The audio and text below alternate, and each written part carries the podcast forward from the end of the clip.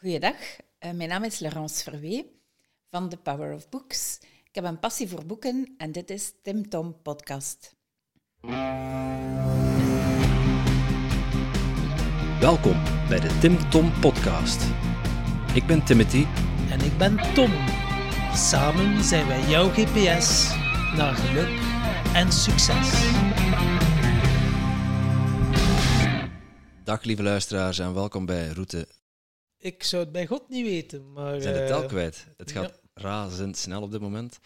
Um, maar ik kijk wel uit naar deze eh, aflevering, want wij hebben uh, Laurence te gast van The Power of Books. En dat verklapt al dat het over boeken gaat gaan, Tom. Of, ja, de, ik kan me goed voorstellen dat je er naar uitkijkt. Want Laurence leert mensen schrijven. En ja, je denkt nu misschien, uh, oké, ik heb dat al geleerd in de lagere school, maar ze leert je om een professioneel boek te schrijven. Dus mensen die een verhaal hebben, en de meesten onder ons hebben wel al een verhaal, uh, door hun ervaringen en uh, wat dan ze hebben meegemaakt. En ja, het is altijd mooi om dat in een boek te gieten. Of, en daar heb je dan wel begeleiding voor nodig. En als je dan één iemand op kunt rekenen, dan is het Laurence. Want zij is expert om je te helpen je verhaal in een mooi boek samen te vatten eigenlijk. Voilà. ik ben benieuwd, ik ben benieuwd. Uh, ja, hoe, hoe begin je aan een boek? Heb je al gedacht om, om een boek te schrijven, Tom? Want bij mij heeft dat wel al een paar keer door mijn hoofd gespookt, maar ah, ik zie dat tegenop en dat is zoveel werk en oh, al die vooroordelen. Ik ben, uh, ik ben benieuwd wat Laurence daarover te vertellen heeft. Ja, ik heb er al zeker al een paar keer over nagedacht. Ik heb wel wat te vertellen. Uh, ik heb al wat avonturen meegemaakt in mijn leven, dus uh, ja, ik ben ook benieuwd. ik zit met toch wel enkele vragen die ik ga houden voor Sibitsi. Ik ben benieuwd. Dag Laurence, welkom bij onze podcast. Dank u, hallo. Jij, uh, jij bent hier uit de buurt, want uh, jij komt uit, uit, uit, het Gentse. Ja, ik ben de West-Vlaamse in Gent, zoals velen. Een aangespoelde. Juist, uh, ja. En, en uh, aangespoeld, ik heb hier gestudeerd, dan terug naar West-Vlaanderen en om hier dan terug thuis te komen. Oké. En die rondzwerving, waarom, tenminste, hoe ben je dan uiteindelijk in het, in het Gentse terechtgekomen? Um, rondzwerving, ja, dat zijn wat privéverhalen. Uh, maar uiteindelijk kwam het erop neer dat ik uh, mijn bedrijf had in Kortrijk en ik was toe aan een, aan de volgende stap. En uh, plots wist ik, mijn volgende stap zal niet in Kortrijk zijn, professioneel. Ik werkte dan veel voor Brusselse bedrijven ook, boeken dus. En... Um, ja, en op een bepaald moment, ik was toe aan een nieuw leven en dan dacht ik, ik moet naar een andere stad. Een nieuwe omgeving, dat zal mij helpen om het verleden los te laten en opnieuw te beginnen. Een nieuw hoofdstuk. Een nieuw hoofdstuk, letterlijk, letterlijk, ja. En uh, dan dacht ik, ja, waar, waar ga ik naartoe? Want de, ik wist dat Kortrijk wilde verlaten naar West-Vlaanderen, maar waar? En dan wist ik terug van, oh, in Gent heb ik mij altijd thuis gevoeld en dat is zo'n studentenstad. En ik, ik kan daar niets aan doen, maar als ik in Gent aankom, dan voel ik mij weer een beetje student. En uh, voel ik mij thuis. Kom thuis in Gent. Ik ben terug uh, naar Gent gegaan en een huis gezocht. En, en dat klopte. Ja, Gent is een plezante stad om te vertoeven ook. Hè. Je kunt daar echt, tenminste, uh, als je het vergelijkt met, met bijvoorbeeld Brugge, dan ik kan daar wel rondlopen en daar echt als een stad ervaren en minder als een openluchtmuseum. Ja. Maar... Het gevoel van dat je daar, die mensen, het is daar ja, gewoon uh, echt. Ja, maar wat dat er vooral was, en dat sprak mij enorm aan, dat er uh, enorm veel creatief talent leeft in Gent. Want uh, ik maakte dan boeken, maar je hebt zot veel illustratoren, sterke grafici. Dat is echt een concentratie van, van talent, van boeken, van boekvoorstellingen in de vooruit, van uitgelezen, van heel veel mogelijkheden ook voor boeken. En ik zag dat echt als een, als een verruiming en als een nieuwe kans. En dat gaf mij ook heel veel zuurstof. En die, die, die passie voor boeken en voor, uh, en voor ja, het, het, geschreven woord, waar komt die vandaan bij jou? Ik weet het niet. Uh, maar het zit zeker diep, diep, heel diep in mij. En uh, ik denk dat ik ongeveer met een boekje geboren ben. Uh, als ik heel klein was, Ik kon nog niet lezen. Uh, ik had een tante met een boekhandel. Ik was daar al niet weg te slaan. Ik, ik kon met moeite lezen, maar ik ging wel gaan inpakken met kerst. Gewoon boekjes gaan inpakken om te gaan, mijn tante gaan helpen. Allee, dat is niet echt helpen, want ik was gewoon iedereen aan het bezighouden, denk ik. Maar uh, die passie was er al altijd. En ze is ook een beetje gedragen geweest. Voor mij zijn boeken ook altijd ontzettend belangrijk geweest. Als ik klein was, ik was twee jaar oud, dan ben ik in een emmer kokend water gevallen. Allee, er zat wel wat product, chemische producten ook in. En daardoor ben ik heel lang in het ziekenhuis gebleven. En ja, dan, dan kon ik natuurlijk nog niets met boeken doen. Maar dat wil wel zeggen dat de jaren nadien, als mijn lichaam begon te groeien, dat ik regelmatig terug naar het ziekenhuis moest om huidtransplantaties en zo. En dat was niet, like nu, met een uh, groot centrum, uh, brandencentrum, ja, dat is toch bijna 60 jaar geleden. Dus dat was echt, die, die brandencentra, dat stond echt in de kinderschoenen. Dus dat was nog bijna experimenteel allemaal. En uh, dus ben ik regelmatig geopereerd geweest. Nooit schoonheidsoperaties, maar altijd nuttige operaties. Bijvoorbeeld, ik, ik zwam, allez, nog altijd, ik zwem zeer graag, maar ik deed dan zwemcompetitie, rugslag. Maar iedere keer dat ik mijn arm sloeg, dan dat, scheurde mijn huid terug open. Dus opnieuw een stuk van mijn bel op mijn arm, mijn ruimte geven terug om te bewegen. Dus dat wij zeggen, drie maanden geen sport, want... Uh, je moet dan maar terug herstellen. Ja. ja, maar dat wil zeggen drie maanden stil en, en dan een tijdje in het ziekenhuis. En ja, boeken, dat is dan altijd mijn redding geweest. Hè. Ik, uh, het eerste dat klaar lag, dat was niet mijn valies en mijn kleren. Hè. Dat was welke boeken ga ik lezen, wat ga ik meenemen. Allee, dat is echt letterlijk mijn redding geweest. Altijd. Hè. Dus ik vertoefde gewoon in andere werelden. Je hebt zo jonge kinderen die, uh, die dan beginnen lezen en die dan heel snel filosofie en zo beginnen lezen. Maar dat was echt mijn ding niet. Ik heb dat veel later gedaan, filosofie gestudeerd. Dan was dat echt nog uh, de oorlijke tweeling, Pietje Puk, heel veel. De, echte, ehm, de, avonturen eigenlijk. De avonturen, ja, heel veel stripverhalen ook. Ik had iemand in de familie die, die een striptekenaar was, dus ik had al zijn strips. Uh, en ook van al zijn collega's, want die kwamen heel regelmatig samen. Maurice was dat van Lucky Luke. Dus ik, in eerste instantie kreeg ik al die... veel gelezen trouwens. Oh, ik was er gek op. Allee, nog altijd, nog altijd. Ik word gewoon heel blij als ik denk aan die periode. Dat heeft er mij altijd doorgesleurd. Dus ergens, ja, bedoel, het is niet min wat er gebeurd is. Uh, als je jezelf verbrandt en je moet als kind dan zoveel keer naar het ziekenhuis die huidtransplantatie laten doen, maar ergens zeg je, die boeken hebben mij gered. Ja. Um, is dat dan zo dat ja, ben je daardoor een anders een ander persoon geworden, denk je? Uh, dus heeft, dat jou ook ja, juist opgeleverd wat het je nu oplevert? Ja, op dat moment sta je daar niet bij stil. Later kun je dat ook niet weten. Maar het gekke was, toen ik zelf mijn boek aan het schrijven was, ja, dan stel je ook die vraag van waar komt dat vandaan? Die passie voor boeken. En dan ging ik met mijn familie gaan spreken, maar iedereen zei van, ik zag u enkel altijd met boeken, altijd als kind, waar hij altijd aan het lezen. Ja, dat, het zit niet in de familie. Allee, behalve mijn tante met haar boekhandel, maar bij ons thuis ja, werd er wel gelezen in een bibliotheek, maar zo niet echt gelezen. Ik was echt de freak, gewoon. Ja. Boekennerd. Ja, maar zoals ik zei, nerd. Ik bedoel, als je Lucky Luke aan het lezen bent, dan... Uh, en, en Pietje Bel, daar was ik ook zot van. Ik was kijk aan het lachen. En Gust Vlater, daar was ik ook een enorme fan van, nog altijd trouwens. Ik bedoel, ja, dan zijn je niet echt nerd. Hè? Dan zijn de speels eerder. En, ja. Uh, ja. mee op avontuur. Uh, ik herken ja. ze allemaal. Ik heb de verhalen ook gelezen. Ah, is het tof? Ja, grote fan van Gust Vlater ook trouwens. Ah ja, zalig. Ja. Zeker. Um, wij starten normaal ons interview met uh, de vraag van de vorige gast, maar uh, ja, we gaan eerlijk zijn, we zijn ze vergeten.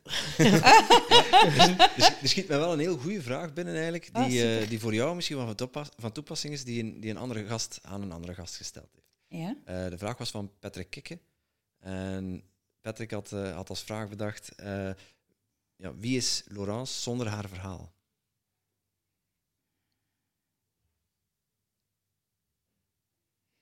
Een vrouw die bijna 60 wordt, die, die deze week of volgende week voor de vierde keer grootmoeder wordt. Die, die niet alleen mijn passie beleef, maar die ze ook doorgeeft. Dus voor ieder kleinkind krijgt van bij de geboorte een bibliotheek met, met de naam erop. Ik schilder dan de naamjes en ik leef dat op, de, op die IKEA-bibliotheek. En, en zij hebben allemaal een bibliotheekje thuis en ook bij mij. Dus ik leer iedereen lezen, spelen. En, en ik hoop dat ik, uh, dat ik dankzij hen ook terug mee kan spelen en de wonderen van het leven ontdekken. En in die, in die circle of life kan meestappen altijd. Dus eigenlijk is het een beetje, zij leerde haar volk lezen. En zij leerden mij spelen. Ja. Terugspelen. Terugspelen. ja.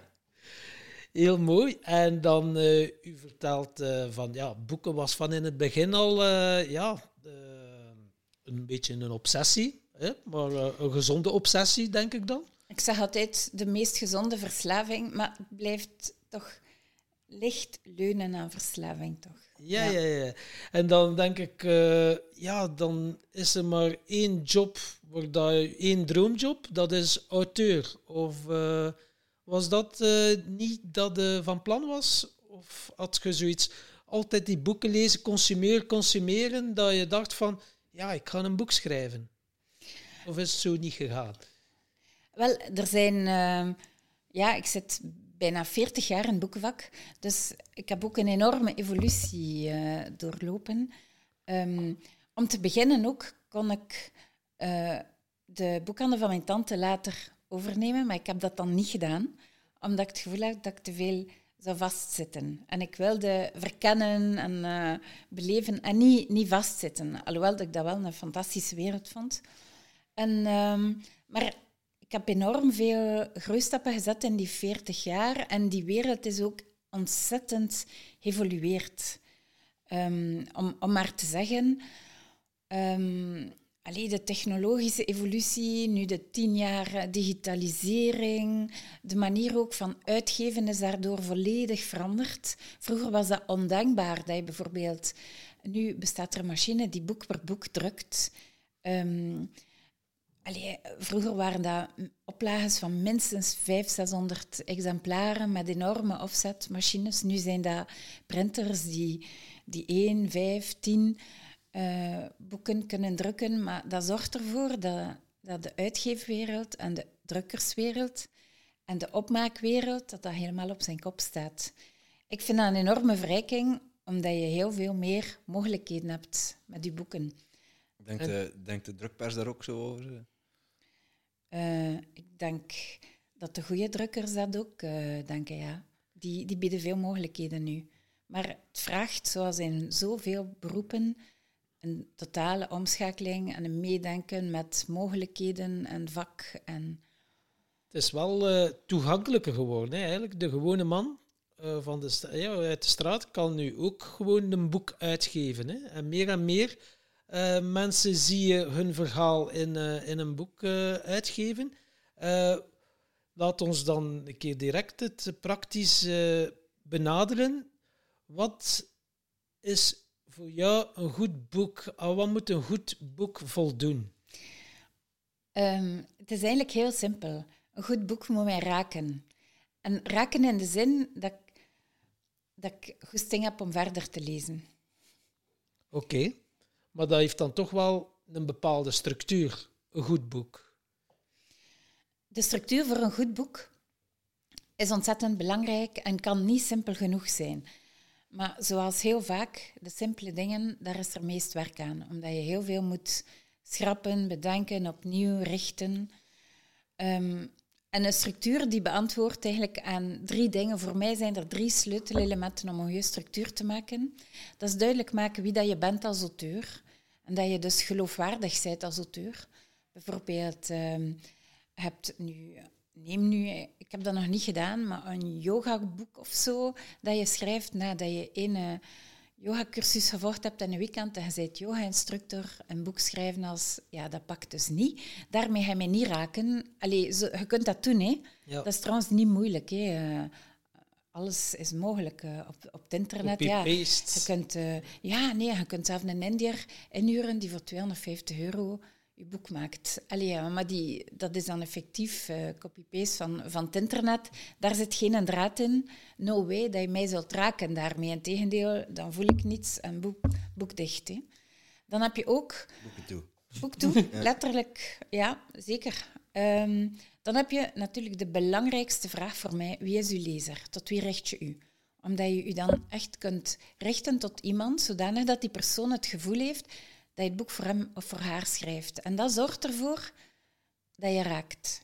Omdat je lezer voelt, dat is in met respect voor mij geschreven en de auteur die weet wat mij bezighoudt. Dus dat is een zeer belangrijk element. Dan heb je ook een element dat dikwijls wordt vergeten. Dat is uw, uw belangrijkste boodschap dat je wil doorgeven in uw boek. Dat is een beetje de lijm van uw boek. Want je hebt heel veel boeken die die wel goed zijn en boeiende kennis, maar die gaan alle richtingen uit. En dat is super gevaarlijk, hè, want dan verlies je mij ook als lezer. Te veel info, aan alle kanten op. Zonder, dat is eigenlijk weinig structuur dan. Weinig structuur en, en vooral als je onzeker bent als uh, lezer van waar neemt die auteur mij nu mee en dan maakt u zorgen over iets anders. Dus dat wij zeggen dat je niet duikt in de inhoud dat je te bieden hebt als auteur. dus dan ben je niet bezig met de vraag, terwijl je aan het schrijven bent, ben je dan niet bezig met de vraag wie is mijn lezer, waar kan ik die het beste mee dienen? Eigenlijk moet je daar continu mee bezig zijn. Ja. ja. en in Nederland spreken ze zelfs van een eikpersoon. En ik geef regelmatig ook de oefening mee. Zet de ideale lezer, pak daar een foto van, zet hem voor u. En spreek aan die persoon. Om te vermijden dat je net te veel in je hoofd gaat zitten en vanuit je kennis gaat spreken. Want je mag niet vergeten, als je een boek schrijft vanuit je kennis, dan heb je daar dikwijls ja, een jaar of tien, twintig een kennisgat gegraven, maar je lezer zit niet in je hoofd, die, die weet heel dikwijls niet wat je bedoelt. Je moet bijna terugkeren naar de persoon die je was voordat je al die kennis en die ervaring opgedaan hebt. En dat is, ik denk dat dat een van mijn belangrijkste taken is als, uh, als mentor, als begeleider, om de mensen te helpen om te zeggen van, pas op, ik, ik verlies u hier, wat is de link, wat zit er in uw hoofd, waarom zeg je dat? Want als mensen dat vertellen, dan denk ik, ah ja, ja, ja, oké, schrijf het maar op, ik even zwijgen. Want voor iedereen is dat zo evident, maar dat staat er wel niet op papier. En dat mocht je nooit vergeten als je iets schrijft dan moet je echt rekening met de lezer. Die ziet u niet, die hoort u niet, die heeft geen intonatie van uw stem. Het enige dat hij ziet zijn zwarte letters. Dus dat moet echt wel duidelijk zijn in uw zwarte letters, eendimensioneel.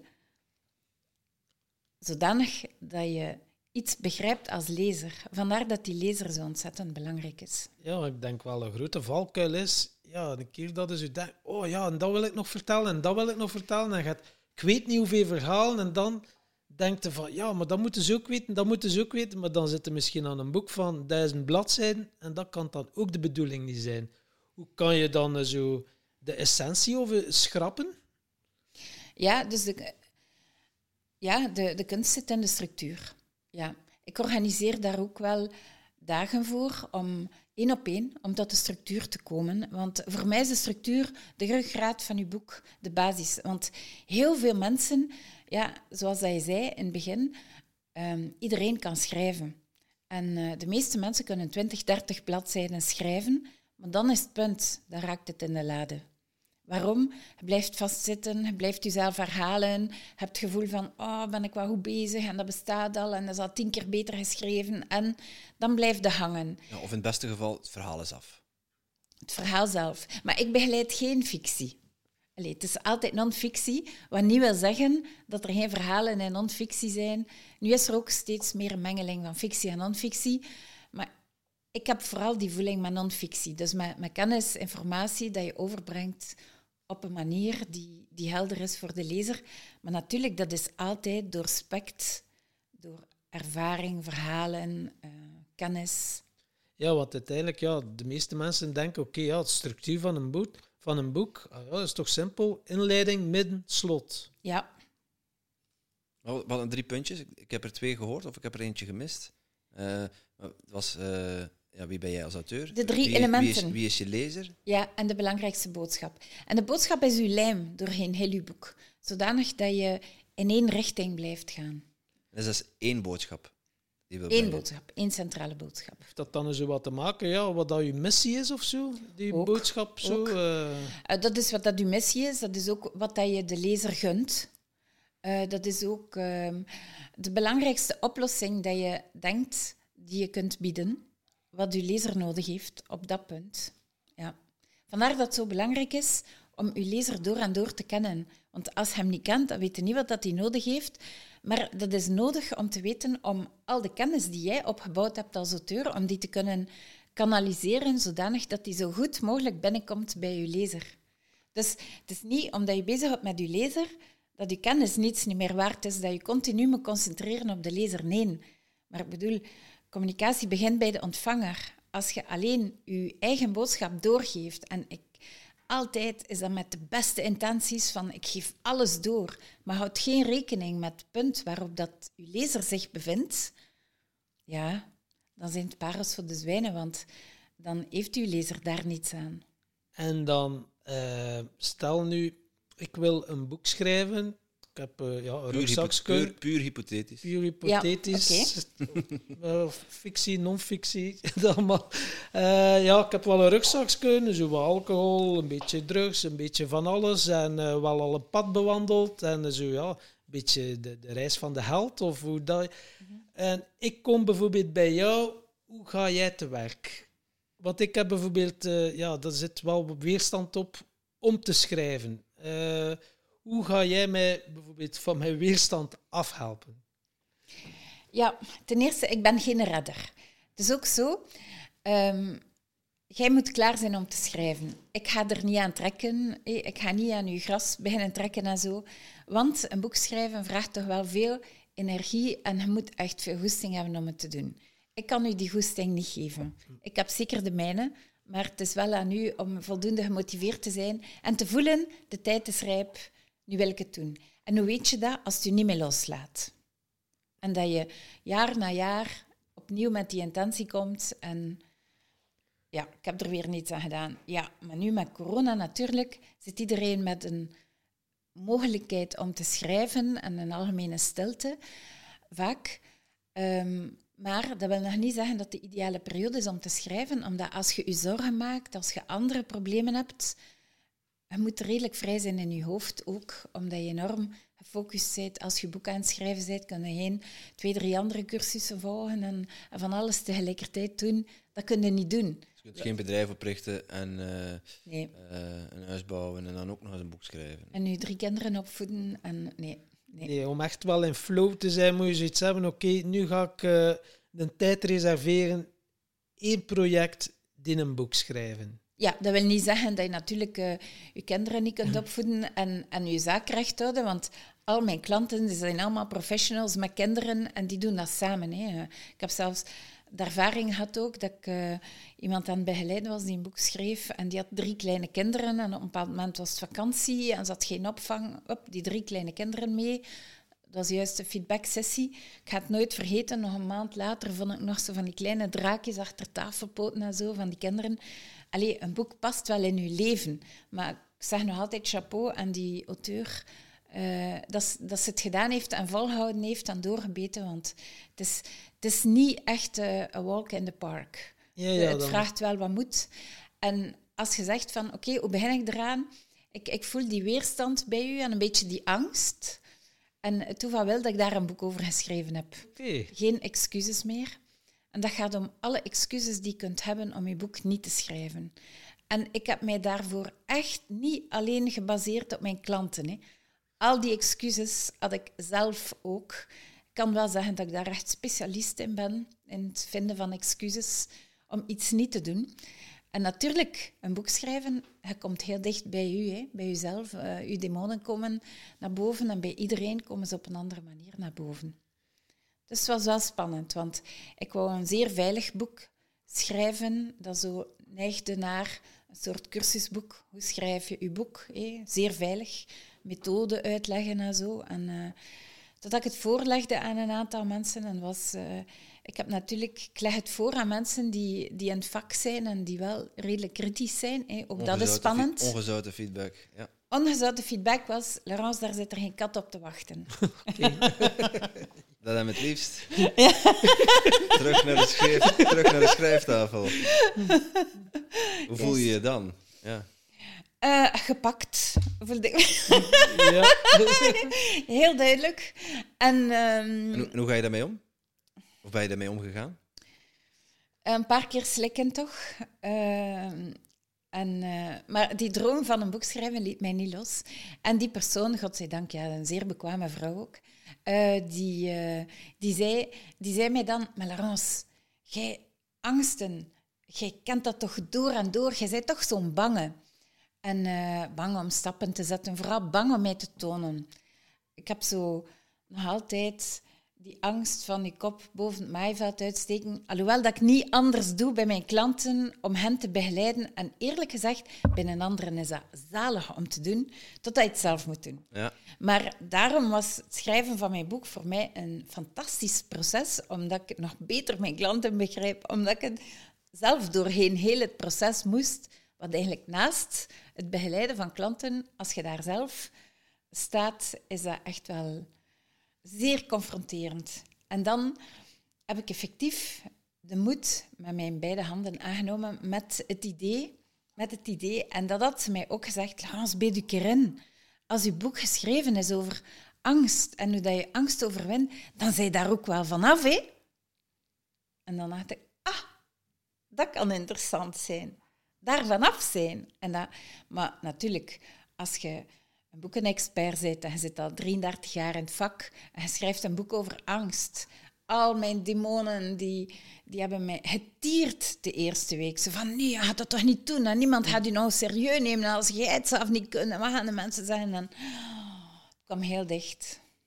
Oké, en ja, bedoel, er is nog een groot verschil tussen een passie hebben voor boeken ja. of een passie hebben voor schrijven. Mhm. Als ik bij jou hoor, is uw, is uw schrijfavontuur eigenlijk ontstaan ja, uit, uw, uit uw eigen angst.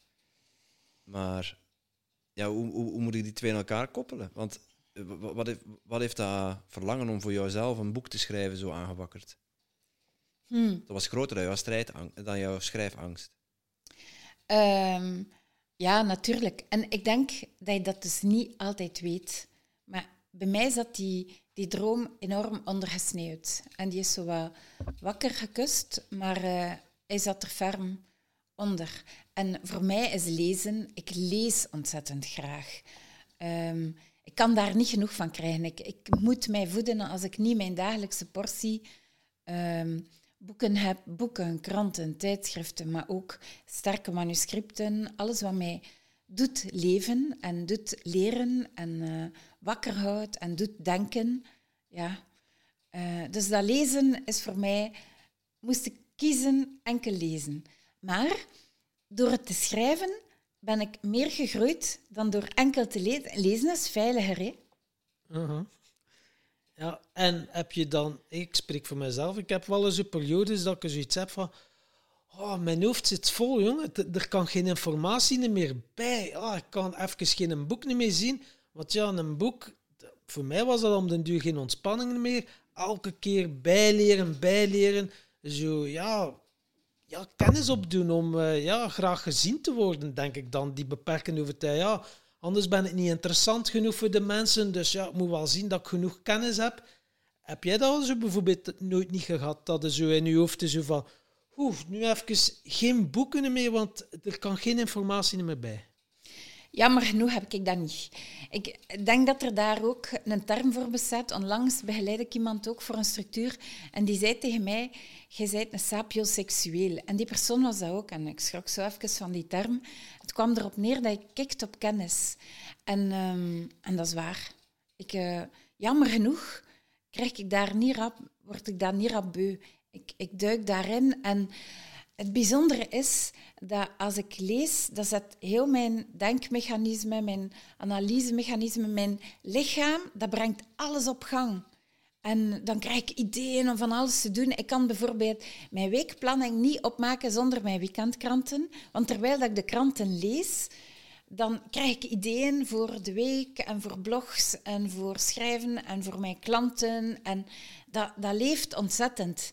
En ik moet mijzelf echt waar ik, ik zit soms acht uur te lezen, non-stop, non-stop. En dan moet ik mij naar buiten sleuren als het een mooie dag is om te zeggen, nu moet ik gaan wandelen. Daarna heb ik daar nooit spijt van. Maar wat doe ik dan?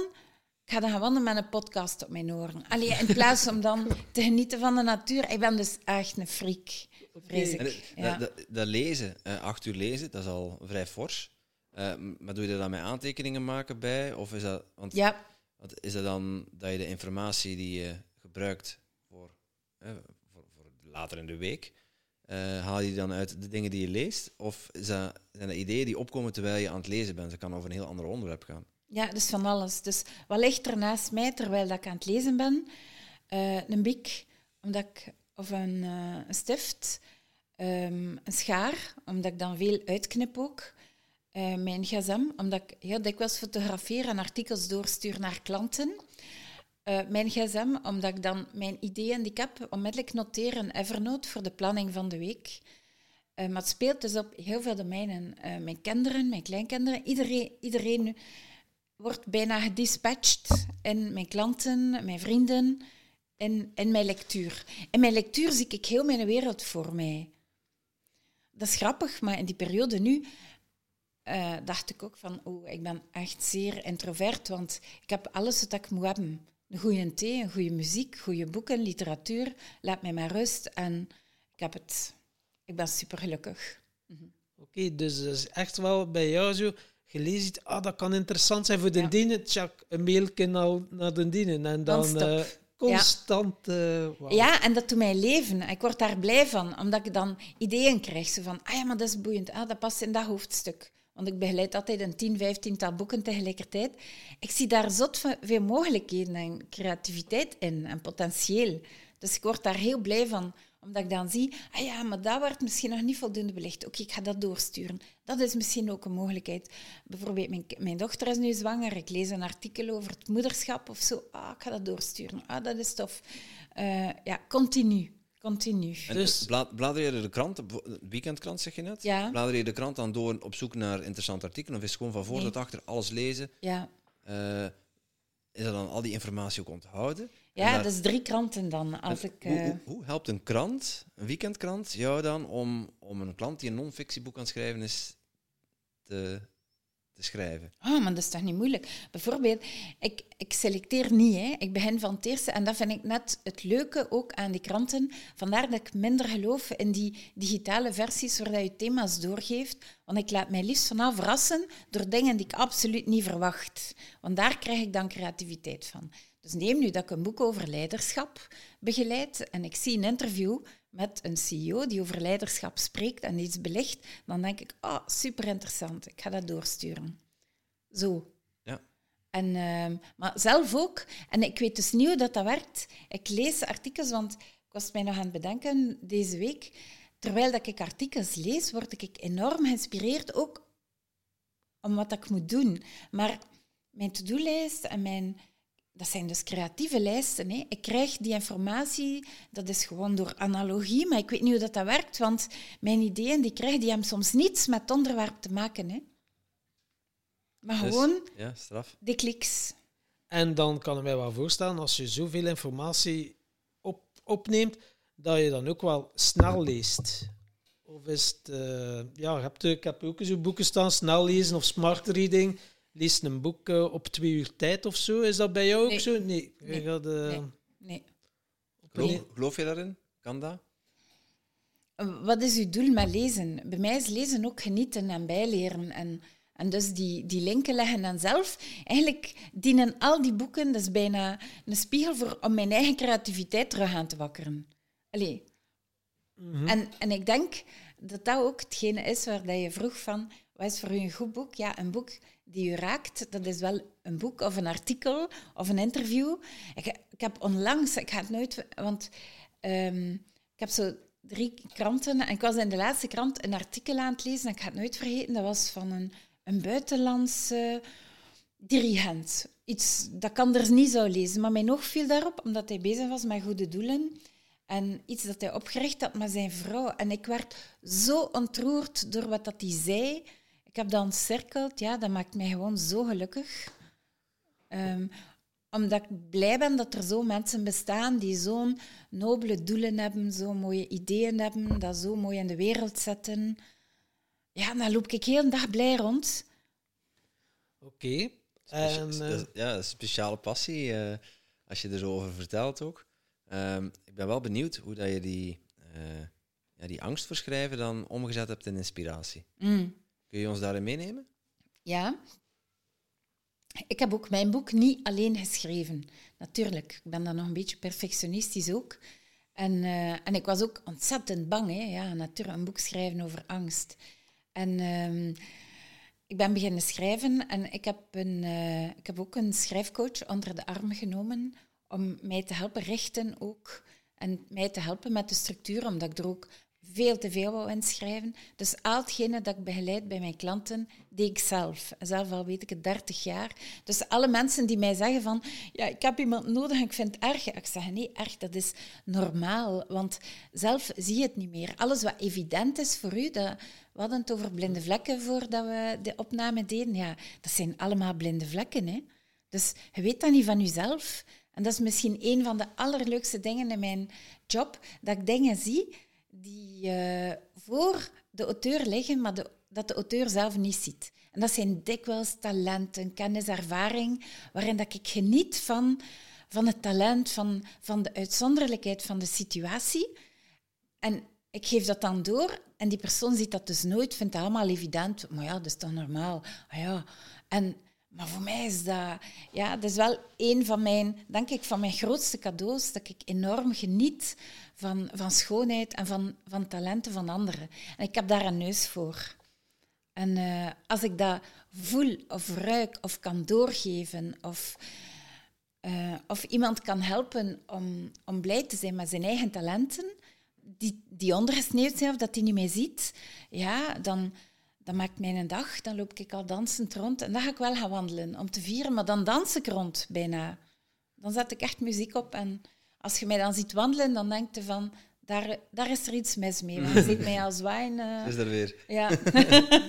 dus ja, nog even terugkeren. Dus uh, ik weet niet of dat je bal ding dong. Dus ik sta aan je deur. Ja. En uh, is het dan al interessant om een script onder de arm te hebben? Of kan, kunnen mensen ook bij jou komen van blanco? Liefst, liefst heb ik dat ze niets hebben. Want het probleem met een script dacht dat je zei, ik heb liever dat ze niet komen.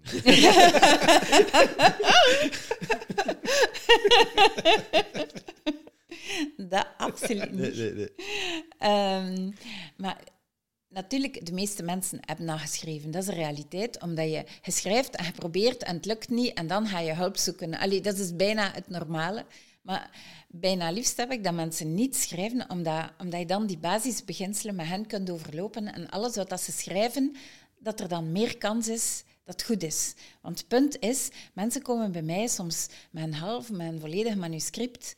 En als het niet goed is, dan moet je opnieuw beginnen. Maar dat is zo frustrerend. Ik, ik doe mijzelf pijn in mijn hart, maar ik ben wel redelijk duidelijk in mijn feedback. Um, heeft jou ook geholpen, hè, tenslotte. Ja. Het is de enigste weg. Eh, die zachte heelmeesters. Weet je, uiteindelijk, de mensen komen niet bij mij om te, om te horen, het is goed, het is goed. De gebuurs, de mama's, de papa's, de dochters, die gaan dat allemaal zeggen. Maar het is aan mijn taak om te zeggen, als je wilt dat je boek uitgegeven wordt, dan gaan we die richting moeten uitgaan. Dat je moeten kiezen, daar zij te algemeen. Hetgene dat je geschreven hebt, kunnen we niet behouden. Meest, meestal niet, zelden. Ik heb zelden een manuscript gezien waar we zeiden van, dat ik zei van, oké, daar kunnen onmiddellijk mee naar de uitgever. Het is mij twee keer overkomen en ik ga het nooit vergeten terwijl ik het aan het lezen was, want meestal begin ik eraan echt zonder verwachtingen, want uh, ja, dan kreeg ik bijna de tranen in mijn ogen dat ik dacht van wauw. En dat zijn echt dan de talenten waar dat ik... Uh, ja, die ene vrouw is ook al bezig aan haar vierde boek en was nog meest bang om haar manuscript in te dienen. Waarom? Als dat een talent is en je, geeft het aan mij, dan is dat echt een super teer kindje. Al die, die hoop, die verwachting, uh, dat proberen ze erin.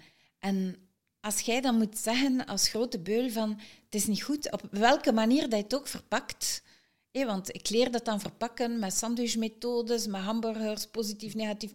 probeer dat zo positief mogelijk te doen, maar uiteindelijk moeten ze opnieuw beginnen. Blijft hetzelfde resultaat. Het blijft een doodgeboren kindje natuurlijk. Als ze terug opnieuw, helemaal opnieuw moeten beginnen. En ze hebben daar een hart en ziel in gelegd. Ja, maar in die gevallen dat goed was, was dat dus natuurlijk fantastisch. Maar anders, het is nooit verloren.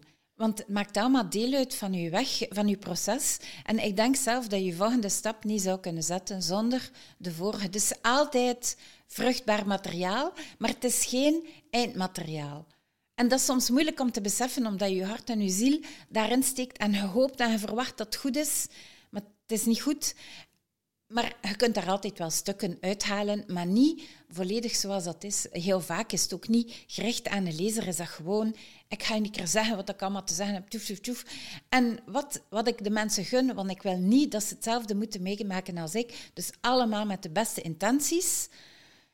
Maar dan, als die connectie er niet is met de lezer, dan moet ik ingrijpen. En dat is soms vreselijk pijnlijk. Soms zijn dat slapeloze nachten ook, als iemand al ontzettend veel geschreven heeft en het is niet goed, ben je daar zelf ook niet goed van. Hè?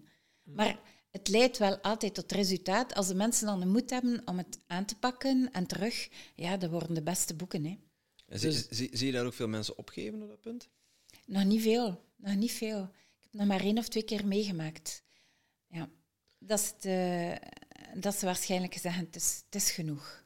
Kan niet meer. Maar alle andere... ja. ja, zo van, oh nee, ze is dat weer ik heb het gehad. Dus eigenlijk is het, het interessantste blanco. Dus ik kom bij jou en dan ik heb een vaag idee. Ja, ik wil een boek schrijven, uh, mijn levensverhaal. Ik wil andere mensen inspireren. En dan ga jij samen op zoek met uw klant uh, naar die helderheid.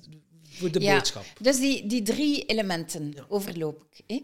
Uh, neem nu dat je dan bij mij zegt van ik heb een idee. Als je zegt ik wil mijn levensverhaal verder schrijven en je helpt daar geen andere mensen mee, maar gewoon je, eigen levensverhaal. Dan moet je weten, het is geen enkele uitgever die dat gaat nemen. Tenzij dat je een BV bent, wat ik echt hoop dat je wordt nu met je volgende projecten. Maar als je dat nog niet bent, is dat heel moeilijk. En plus, ik begeleid professionele boeken. Dus dan gaat dat een levensverhaal zijn, in het beste geval, die, wat dat je meegemaakt hebt, maar waar dat je ook andere mensen mee ondersteunt en waar dat je toch al wat ervaring mee hebt. En dan wordt dat een gecombineerde ervaring van uw klanten en van u. En daar gaan we op zoek naar effectief wie ben je als auteur om je verhaal te vertellen. Hoe lang zit je al in het vak, hoeveel kennis heb je enzovoort. Eh, om dan volgende stappen te zetten van wie dat jij bent, wie is uw lezer. Dus dat is uw ideale klant. Wie wil je als klant? Uh, wie spreekt u meest aan? Van wie wordt de meest gelukkig? En dan gaan we op zoek naar uw boodschap. En de combinatie van die drie tijdens de dag dan maak ik daar een, eh, een, oefening rond en zo. En dan iedereen stapt buiten op het einde van de dag met een structuur. En dat is een basis. Hè. Van die basis kun je vertrekken. Oké, maar dan denk ik, oké, ik heb wel zo ongeveer een idee. Maar om het dan op papier te krijgen, dat is dan weer iets anders. Ik kan het wel uitleggen en praten, uh, geen probleem. Maar om het dan effectief op papier te krijgen, ja, dan blokkeer ik op een of andere manier. Of ik weet niet wat dat het precies is. Wat denk jij, of wat zou jij dan meegeven als tip van blokkeren? Schrijf gewoon, dat heb ik ook al veel gehoord. Maakt niet uit dat je met fouten schrijft wat dan in je hoofd opkomt, maar enkel al dat idee is zo voor mij, ja, ja, ik weet niet wat schrijven, zou het dan bijvoorbeeld zomaar kunnen uitkomen? Ja, ik zeg altijd, als je je verhaal aan mij kunt vertellen, kun je het opschrijven. Waarom? Omdat daar is er een zeer grote... Ja, er is een zeer grote taak weggelegd voor redacteurs. En die, die taak wordt ondergesneeuwd. Maar alle boeken worden herschreven, ongeveer, of aangepast, van spreektaal naar schrijftaal. Dat is bijna normaal. Ik doe dat ook niet. Hè. Dat zijn redacteurs bij uitgevers die dat doen, of journalisten, of mensen die echt in het vak zitten. Die herschrijven dat. Dus sowieso uh, zeg ik gewoon, Vertel het, vertel het mij. Als je zegt van oké, ik kan het nog niet, dat zou kunnen, hè, dan zou een tussenstap kunnen zijn dat je het zelf vertelt. Like of dat ik tegenover u zit en je neemt het op. En dat schrijf je dan uit. Bijvoorbeeld in een podcast. Bijvoorbeeld in een podcast. Ah, in een verhaal. En er zijn zot veel tussenstappen. En wat dat je meemaakt, je zit daar echt niet alleen in. Het is aan iedereen om een beetje zijn of haar methode te zoeken van wat klopt er voor mij. Er zijn geen juiste. Enkel degene die werken voor jou is juist. Ik vind dat inderdaad wel eens een interessante spreektaal, schrijftaal. Want als ik dan begin te schrijven, is dat dan misschien dat stukje perfectionistisch, uh, perfectionisme in mij. Dan wil ik al dat mijn zinnen grammaticaal kloppen. En dan blijf ik, ah nee, ah nee, dat klopt precies niet. En daardoor ja, blokkeer ik denk ik ook wel. Uh, maar het is eigenlijk gewoon schrijven, schrijftaal, want het wordt eigenlijk toch nog herschreven, zeg yes. Ja, of aangepast. Het is zelfs zo uh, dat ik denk dat het voor een redacteur nog beter is dat je heel je stijl, dat je je persoonlijkheid daarin helemaal respecteert en schrijft zoals hij zijt. Want dan kan die pas bij het herschrijven ook uw stijl en uw persoon respecteren. Als jij schrijft, bij wijze van spreken in gekuist Nederlands, mooi ABN, een taal die niet de uwe is, dan is dat ook moeilijk voor die redacteur om uw stem daarin te vinden en te voelen wat dat uw stijl is. Je kan hem niet respecteren, maar je hem zelf al niet trouw. Ja, ja. Ja, dat is inderdaad wel een heel interessante. Uh, gewoon even de fouten schrijven is oké in het beginproces. Dat, dat moet zelfs op een manier, want als je het al direct gaat aflikken en al, ja, dan verliest eigenlijk uw tone of voice al. Helemaal, ja. Dat is uh, een interessante, ja. Uh, en, is, is het per se nodig om een boek zelf te schrijven? Want ik hoor ook wel eens van auteurs die een ghostwriter inhuren, mm aan wie zij dan het verhaal vertellen en die voor hun het boek schrijven. Ja, kan ook. Um, kijk, ik begeleid nu ook uh, een aantal mensen die een eigen boek willen schrijven, maar ze hebben geen tijd of ze kunnen het niet of ze willen er de tijd niet aan spenderen. En dan werken ze met een ghostwriter en op welke manier gebeurt dat dan? Samen kijken we naar, maken we de structuur met de auteur en de ghostwriter. Dan heeft de ghostwriter de structuur en kan die daarmee aan de slag. Maar dat is iets, ik doe dat als het niet anders kan, als de auteur dat echt beslist. Maar meestal hou ik er echt van om mensen helemaal te begeleiden naar hun boek, omdat hun ziel erin zit. En ik heb het echt meegemaakt als uh, uitgever. Voordien was ik uitgever. Hè. En uh, als uitgever dat er ghostwriters een verhaal geschreven hadden waar de auteur zich niet aan herkende. Niet. Oké. En dan herschreven en nog niet. En dan denkt het toch wel een keer na van, is altijd een oplossing? Natuurlijk, als je niet kunt schrijven of je wilt niet schrijven, ja, dan ga je ook niet zoveel eisen stellen. Of uh, de meeste BV-boeken, die worden allemaal geschreven door middel van interviews. En dat is geen enkel probleem. Die mensen hebben ook geen tijd. En, of willen die er niet aan uh, spenderen. Ja, kan, kan. Maar ik ben daar niet echt voorstander van, tenzij in een aantal gevallen, pas op, ik heb het ook meegemaakt, nu onlangs uh, een boek ook. We hebben samen de structuur gemaakt, een goede ghostwriter.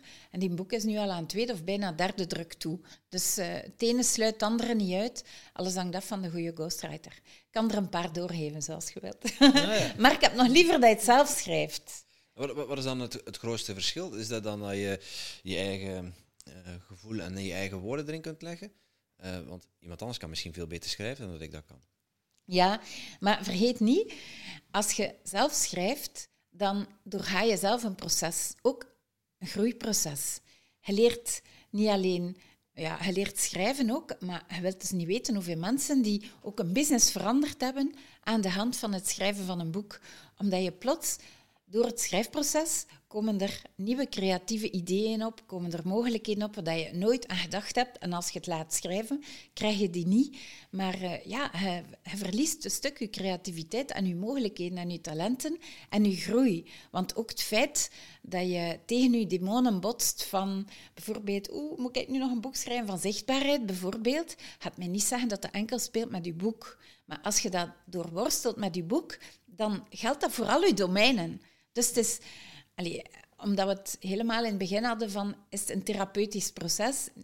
Nee, want je moet je, je moet je materie door en door beheersen. Je moet al door je trauma's en door je processen zijn, want anders kun je het niet doorgeven, toch niet op een manier die fair is voor je lezer.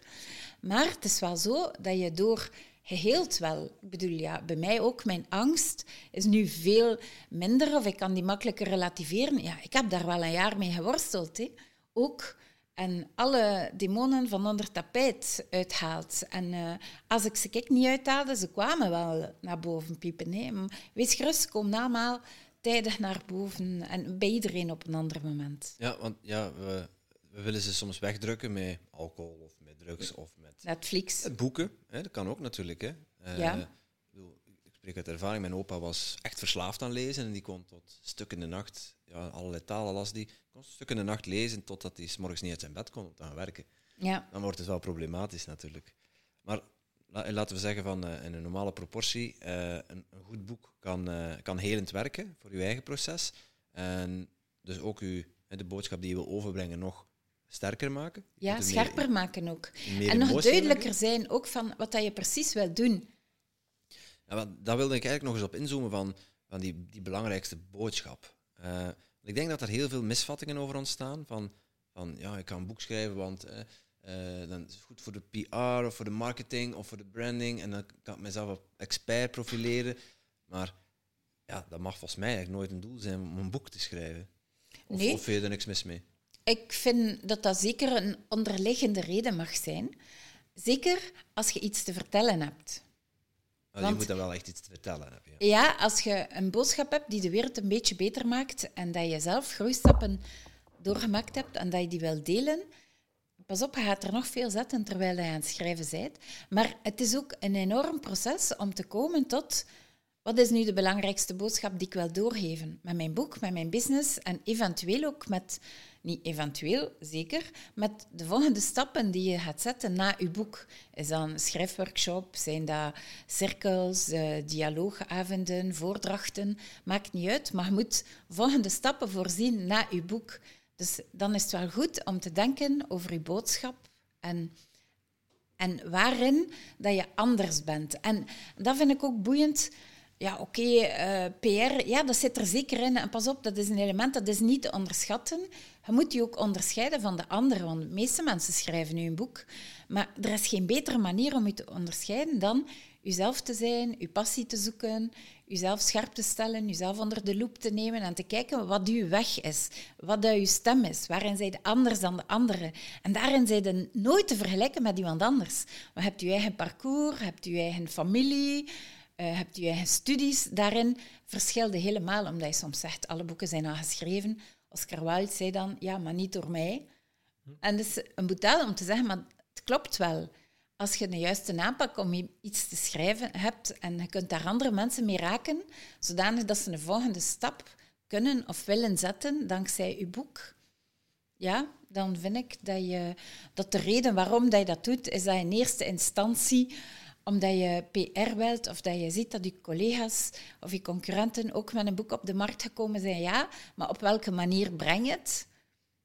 Daar zit het dan. Ja, zorg, als je dat dan wil doen, zorg dan in ieder geval, als je anderen wil kopiëren, uh, dat je het op een authentieke manier doet. Kopiëren kun je dus niet doen, hè? als je op zoek gaat naar je eigen stem. Ik bedoel niet het boek kopiëren, maar het idee om oh, van uh, ik moet een boek uh, lanceren uh, om mezelf te profileren, want puntje, puntje, puntje, zelf in te vullen. Uh, maar dan ja, doe het dan wel op een authentieke manier. Ja, ja, daar zit het dan. Ga dan op zoek naar wat dat je te zeggen hebt en waarmee dat je de wereld beter kunt maken. En ja, waar, waar heeft uw cliënteel nu nood aan?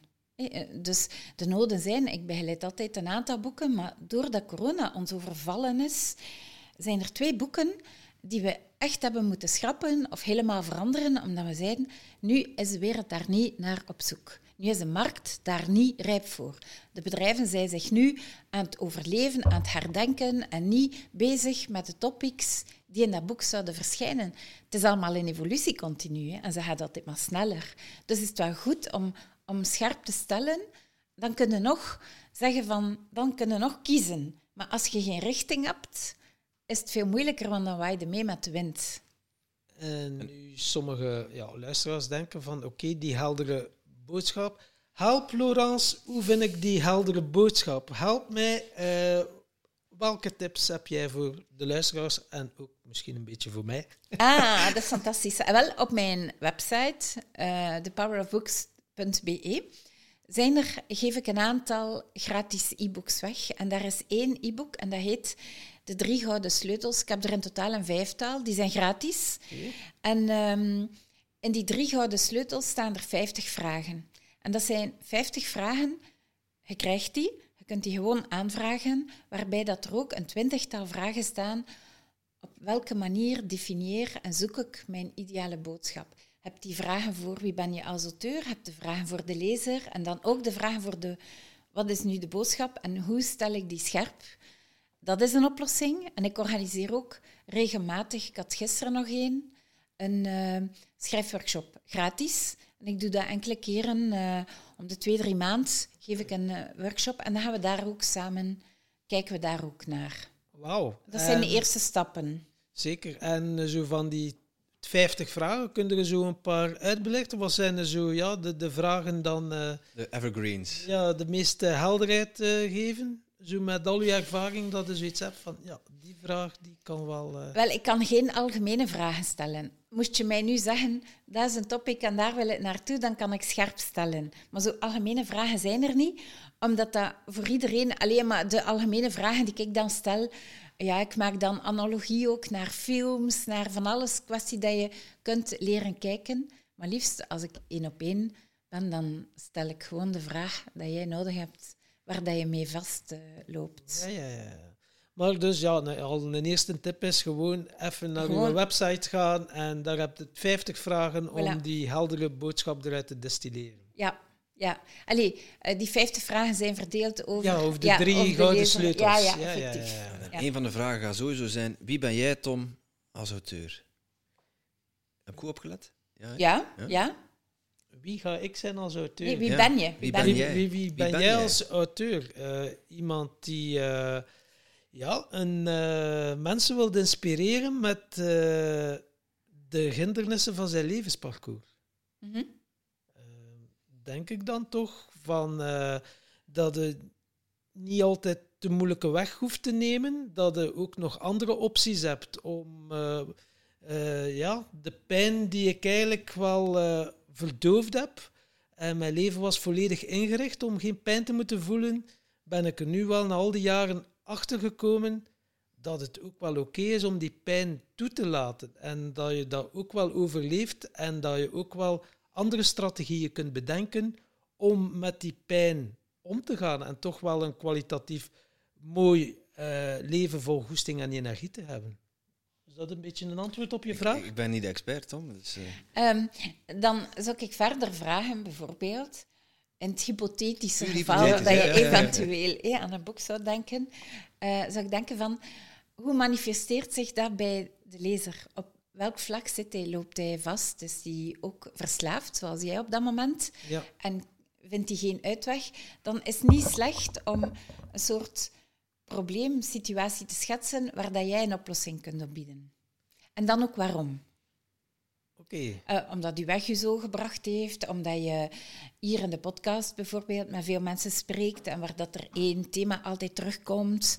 Um, waarom? Omdat ik ergens ook wil voelen dat je, als je een verhaal brengt, dat gedragen is. Dat niet zomaar is effectief, ik ga hier eh, een goed, goed nieuws vertellen, ja. ik wil een BV en ik, ik heb een verhaal en iedereen gaat daarin geïnteresseerd zijn. Hmm, betwijfel dat, of durf dat betwijfelen. Ik wil echt weten waarom. Voelen dat je het ja, voelt en doorleefd hebt en van, ja, ja, oké, okay. hij echt wel zelf uit in de shit gegaan uh, door die acties te, te ondernemen en door uh, die keuzes te maken dan? Ja, ik ga lastig zijn, vooral omdat uw lezer dat gaat voelen van het is fake of niet. Hij gaat, hij gaat dat niet voelen zoals dat ik ga zeggen van klopt dat wel en waar is die link? Maar die gaat gewoon in een boek dicht doen en naar een reeks kijken op Netflix. Allee, bij wijze van spreken, dat is dan zijn antwoord op uw boek. Hè? Ja, ja, ja.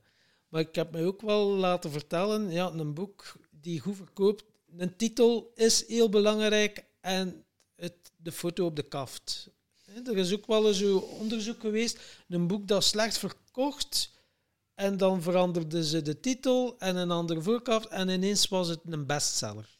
Ja, ja.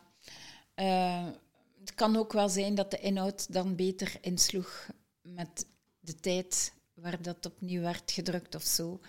Uh, dat kan, dat kan. Maar er zijn zoveel van die fabeltjes nu over titels. Ik geloof nog altijd meestal al in een sterke inhoud en dan ook vooral zichtbaar zijn met uw boek. Zodanig dat de mensen die u zouden kunnen nodig hebben ook zien dat dat boek verschenen is daar rond. Mhm. Ja, dus, Is het belangrijk dat de, dat de titel dan informatief is? Dat hij duidelijk is, ja. Duidelijk, maar moet hij dan ook al de, um, zeg je dat, uh, de lezer overtuigen om te kopen? Of moet vooral duidelijk zijn waar, waar het, wat de inhoud om gaat? Ja, het ene sluit het ander niet uit. Hè. Maar uh, prikkelen kan zeker geen kwaad. Hè? De lezer nieuwsgierig maken, waarom zou je het niet doen? Hè?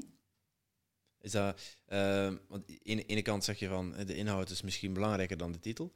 Um, maar een titel kan er wel voor zorgen of een boek wel of niet goed verkoopt. Hmm, het ligt niet enkel aan de titel. Wat, wat zijn dan de cruciale succesfactoren? Dat is moeilijk. Uh, dat is moeilijk. En uh, ik, ik, lees zeer graag interviews met uitgevers en er is nog niemand die daar een antwoord kan op geven. Iedereen zegt, moest ik dat nu weten, dan zit ik op de Bahama's en niet hier achter die stoel. Dat is het antwoord dat je meestal leest. Um, wat ik wel zou kunnen geven, is, um, is een idee hoe dan een titel in elkaar zit. Dus je hebt de hoofdtitel en de ondertitel. Dan vind ik leuk dat de hoofdtitel wat catchy is en speelt op verschillende domeinen. Bijvoorbeeld, ja, geen excuses meer. Dat kan gelden ook om te stoppen met roken, bijvoorbeeld. Maar dan daaronder zeg ik, de zeven trappen om je eigen boek te schrijven. Bijvoorbeeld, zodat dat duidelijk is. Dus heb de twee. Een beetje spelen, maar ook zeker helder zijn van wat bied ik u aan of wat ga je krijgen als je dat boek leest. Want je kent ook al die reclames, wat je zegt op het einde, fantastische reclame, maar waarvoor was dat nu weer? Mhm. Dus hoe fantastisch dat ook is, je zet er niets mee. Ja, dus zorg ervoor dat de informatie blijft hangen. En dat, de, dat de juiste informatie erop staat. Dat ze de personen prikkelt die, uh, ja, die de boeken niet wel moeten lezen. Ja, ja. Zoals die ene reclame bij jou misschien van één oor in, ander oor uitgaat. Mensen die daar wel naar op zoek zijn, die daar wel door getriggerd worden. Ja, maar als de juiste informatie er niet op staat van waar dat die voor staat... Dat is wel cruciaal, ja. ja dan uh, is het voor iedereen verloren. Is gewoon nice to have, of dikwijls is het dan gewoon om, uh, om awards binnen te gaan voor het reclamebureau dat dat gemaakt heeft, maar dat schiet dan wel zijn doel voorbij. Hè? Ik vind het wel leuk om, om, om misschien een aantal, een aantal voorbeeldjes te noemen. Van, jij zegt, uh, een angst om te schrijven. Er zijn heel veel dingen, belemmerende gedachten die mensen tegenhouden om te schrijven. Mm wij zeggen ook uh, vanuit, vanuit ons bedrijf Toedeloe, zegt Toedeloe tegen de bullshit-gedachten die u tegenhouden om te groeien. Bij jou is tegenhouden om te schrijven. Um, wat zijn zo de meest voorkomende bullshit-gedachten die uh, ja, ja, ik begin, tegenkomen? Ah, dat is tof. Want ik begin ook met uh, mijn eerste hoofdstuk, en dat kun je trouwens ook gratis downloaden op mijn website. Um, daar gaat het om alle excuses die ik altijd hoor en die ik zelf ook massaal ingezet heb. Ik heb geen tijd, ik heb geen geld, er zijn al zoveel boeken geschreven. Waarom zou ik de juiste persoon zijn om juist dat boek te schrijven in die richting? Ben ik goed, en dat zit erachter, ben ik goed genoeg? Imposter syndroom zit daarachter. Uh, ja, angst ook, hè, want als je zichtbaar bent, kunnen afgeschoten worden. Maar ik heb nog niemand geweten die met zijn boek afgeschoten werd. Het toch niet die ik begeleid heb. Maar het is wel zo, het is wel een, je moet wel iets overwinnen om het te doen. Hè. Ik heb dat ook moeten doen. Het is veel veiliger om te lezen en in je zetel te zitten. Pas op, ik, ik vind wel dat je veel moet lezen. Voor je taal, om te zien wat er gebeurt. Voor mij is lezen echt een, een conditie, maar ik zie dat bij al mijn auteurs, dat zijn ontzettende lezers. Het is ook gevaarlijk, hè, want we doen niet anders dan titels uitwisselen. Maar uh, ze lezen zeer graag en ik denk dat die twee heel nauw samenhoren. En zomaar een boek schrijven zonder dat je veel leest, uh, zoals ik nu las, uh, van die twee politici. Wie was het? Uh, Conor Rousseau, die, die zei dat hij nog nooit een boek gelezen had of zo. En, en ook Boucher was, was iets van... Als je leest, zijn geen serieuze politieker of weet ik wat. Allee, dat vind ik verschrikkelijk, want lezen gaat over veel meer dan wat zij voor ogen hebben. Dat gaat om diepgang, dat gaat om mensen begrijpen, dat gaat om stromingen voelen. Dat gaat om alles wat politici, politici niet hebben uh, bedoeld. Ja, of te weinig, te weinig. Daarmee tonen zij alleen hun lacunes aan. Ik vind, vind het jammer, omdat dat dan mooie, jonge, krachtige mannen zijn, boegbeelden, rolmodellen, en dan zeggen, spreken ze zo'n taal. Ze hebben wel een TikTok-account, hè? Ja, wel ja, oké. Ze kunnen misschien goed dansen, maar oké. Ja, natuurlijk. Ik ken wel wat politici die wel lezen, maar die ook op geen zak trekken, natuurlijk. dat is geen garantie. Oké, ander onderwerp. Geen politiek. nee, we zijn een politiek neutrale podcast. Maar dat lezen blijft wel belangrijk. Ja, ja, ja, daar... Uh... maar letters, uh, het uh, doet veel met mensen. Het, bij jou zie ik, zie ik daar een enorme passie ontstaan. maar ja, de andere zijde van, van jouw passie is om mensen te helpen. Ja. En kun je ons meenemen waar, ja, waar die twee samengekomen zijn en hoe, je, hoe, dat, hoe dat voor jou belangrijk is? Waarom? Ik kan dat niet uitleggen, maar ik word eigenlijk maar blij als iemand kan scoren. En uh, niet enkel met, ik zeg ja, een, een, goed boek schrijven is iets en dat is, dat is wel heel belangrijk. Maar als ik zie dat iemand daarna in zijn vakgebied erkenning krijgt, bijvoorbeeld op congressen uitgenodigd wordt om te spreken, waar ze al drie jaar proberen om als spreker aan het woord te komen. Het lukt niet, maar plots met een boek worden ze gevraagd. Ja, dan ben ik zo blij. Ik heb nu net een boek ook begeleid van, uh, er waren twee mensen, een, uh, een vrouw en, en, een Nederlander. En die hebben aan de hand van hun boek een enorm contract binnengehaald van een bedrijf, voordat ze echt de eerste twee, drie jaar niets anders gaan moeten uh, binnenhalen van projecten. Dat ze echt hun droomproject binnen hebben. Ja, dan, dan loop ik gewoon te, te zingen en te dansen op straat. Gewoon, ik ben dan super blij en, en dat gun ik echt al mijn klanten, dat zij volgende stappen kunnen zetten in hun leven, dat ze kunnen groeien naar een, naar een missie, naar een opdracht, naar de boodschap die ze willen doorgeven. Ik kan niet zeggen waar dat, vandaan komt, maar ik heb dat al als klein kind. Dat ik gewoon super blij ben als, als iemand anders kan scoren. En als ik daartoe kan bijdragen, dan is de sky the limit. En uh, wanneer heb je de stap gezet? Kan je dan nog uh, een keer meenemen naar het moment dat je dacht van ja, ik voel mij wel geroepen om mensen te begeleiden in een proces om een boek te schrijven. Neem ons een keer mee naar die dag dat je die beslissing nam. Mag ik u ver terugnemen? Want dat is niet een stap... Zelfs in vorige levens als het... Is, is al een bod geweest, overigens. Ja. Het is echt een tocht geweest ook. Het is nog maar uh, vijf, zes jaar dat ik dat doe. Hè. Dus uh, ja, ik ben begonnen, als ik bij de uitgeverij Lano ben ik begonnen, ja, dat is dan met het prillenbegin. Dan daarna um, droomde ik om uitgever te zijn. En dan was ik op mijn dertigste, want bij Lano was ik geen uitgever. Uh, droomde ik om uitgever te zijn. Op mijn dertigste, ik ben dan weggegaan bij Lano, was ik uitgever, maar van een eigen tijdschrift. Dus ik vond dat ik dan nog... Je... Eigen uitgeefster, maar van een tijdschrift. Dus nog niet van boeken. Maar op mijn veertigste wou ik dat dan. En zoals dat, dat komt in het leven, ik plande dat echt. Uh, allee, dat was... Ik, het was niet plande, planten. Er heb ik een zaadje in mijn hoofd geplant van mijn droom is uitgever worden. En uh, ik heb dat zaadje geplant, want dat was er heel snel geplant, zeker als ik bij de uitgeverij Lano werkte. En um, dan kreeg ik de vraag om te starten met een uitgeverij en boeken te maken op basis van interviews. En ik heb dat gedaan voor enorm grote bedrijven. Uh, bijvoorbeeld voor, uh, voor Deloitte heb ik alle CEO's geïnterviewd. Ik heb dan um, eigenlijk masterpiece of my life heb ik dan voor een enorm bedrijf, een bouwbedrijf, Basics, heb ik dan zes boeken gemaakt. Allee, in twee delen, iedere keer uh, in drie talen vertaald. Um, en die, die hebben dan op dat moment bouwden ze de hoogste toren ter wereld in Dubai. Allee, ik heb echt ja. fantastische projecten gemaakt. En op het einde van die projecten heb ik gezegd, nooit meer. En ik dacht, nooit meer. Ik doe hier hetgene waar dat ik allee, de grootste kick kan van krijgen. En allee, dat, dat werd dan voorgesteld met Cirque du Soleil, Toet Stielemans. Die, allee, echt de max. En ik ga weg en ik zeg nooit meer. Ik dacht, wat zit er daarachter? En omdat je zegt van welke stap dan wel, hé, eh, bij mij ging het in welke stap dan niet. Hé, dan dacht ik, ik ga stoppen met boeken uit te geven rond geschiedenissen van verhalen, van bedrijven, van mensen. Toen werkte u nog bij Lano? Of, of nee, nee, nee, nee, nee. ik heb zeven jaar bij Lano gewerkt. Nee, dan had ik al die andere uitgeverij. Ja, mijn, als eigen, als eigen, mijn eigen, uitgeverij. Dus ik was al 40 plus. En ik had dan mijn eigen uitgeverij. En dan dacht ik, allee, waarom? Waarom? Wat zit er daarachter? En ik had echt, en dat was geleden van mijn studententijd dat ik nog uitging, een hele nacht door, had ik echt nachten door correcties gedaan op de drukpersen. Allee, doorgewerkt ook, totdat dat boek er lag. En ik dacht, is dat nu uit vermoeidheid? Eh? Want, uh, maar nee, dat was niet. Uiteindelijk, wat was het?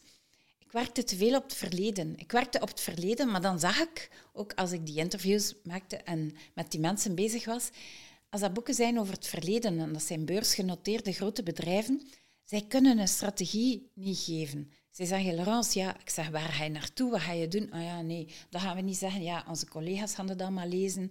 Uh, de mensen in het bedrijf, niets. Zo so wat? Misschien wordt de wereld er wel iets beter van. Ja, uh, maar ja nee, maar in, in dat geval is dat onmiddellijk van, ja, oké, dan zitten er kapers op de kust en cijfers. Ja, dan, ik begreep ja, dat. Denken vanuit concurrentie, ja. Ja, echt. En ik begreep dat helemaal. Maar dan dacht ik, oké, het is niet meer mijn ding. Ik dacht dat mijn ding was, hè. maar door dingen te doen, besef je dan, oké, dan dacht ik, ja, nee, dat is niet meer. Dus wat ga ik doen? Ik ga stoppen met die hele grote projecten en ik ga mij focussen. Ondertussen krijg je wel al kleine projecten ook, maar ik kon die niet onmiddellijk aannemen, omdat dat zo'n enorme werken waren. En dan ben ik begonnen met kleine projecten en allemaal naar de toekomst gericht. Omdat ik daar blij van word. Omdat ik zie waar dat ze naartoe gaan, op welke manier dat je de wereld beter kunt maken, op welke manier dat je kunt groeien. En ik groeide mee. Maar dat verleden, dat is gewoon door te zeggen nee. En, en dan dacht ik, uh, ik heb dan ook persoonlijk heb ik wel uh, het een en ander meegemaakt, waardoor dat ik ook zelf een grote persoonlijke weg afgelegd heb zeker tien jaar. En ehm, op het einde van de weg zeiden ze, uh, Laurence, jij bent, jij bent een geboren coach. Jij moet coachen. En eigenlijk was ik therapeut, om dat woord niet te gebruiken, maar ik heb dat gewoon gedaan voor mij. Omdat ik continu tegen dezelfde stenen schopte. En dan was de vraag van, is dat nu hun schuld of mag ik een keer kijken, leren kijken naar mij, hoe dat, dat komt dat ik hier blijf tegenhangen. Dus ja, ik heb daar een enorme weg afgelegd om dat zelf te leren kijken daarnaar, totdat ik zelf therapeut was. Maar op het einde dacht ik, therapeut, nee, dat is niks voor mij. En ik doe dat alleen voor mij en niet voor anderen. En ik was daar zelf zeer categoriek in. En um, dan begon ik met mijn boeken en ik dacht, ja, dat is het, boeken en dan boeken uitgeven, dan mijn lievelingsboeken uitgeven. En ik was daar super gelukkig in, totdat die markt begon te veranderen.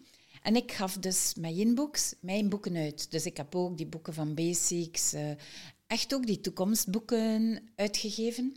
En op een bepaald moment, en ik gaf die dus uit met mijn formule, maar ja, als je alles alleen doet, maar ik werk altijd toch met een vijf, een tiental mensen rondom mij, vakmensen. Ja. grafici, redacteurs, uh, heel tof. Maar uiteindelijk als uitgever wordt alles toch van u verwacht.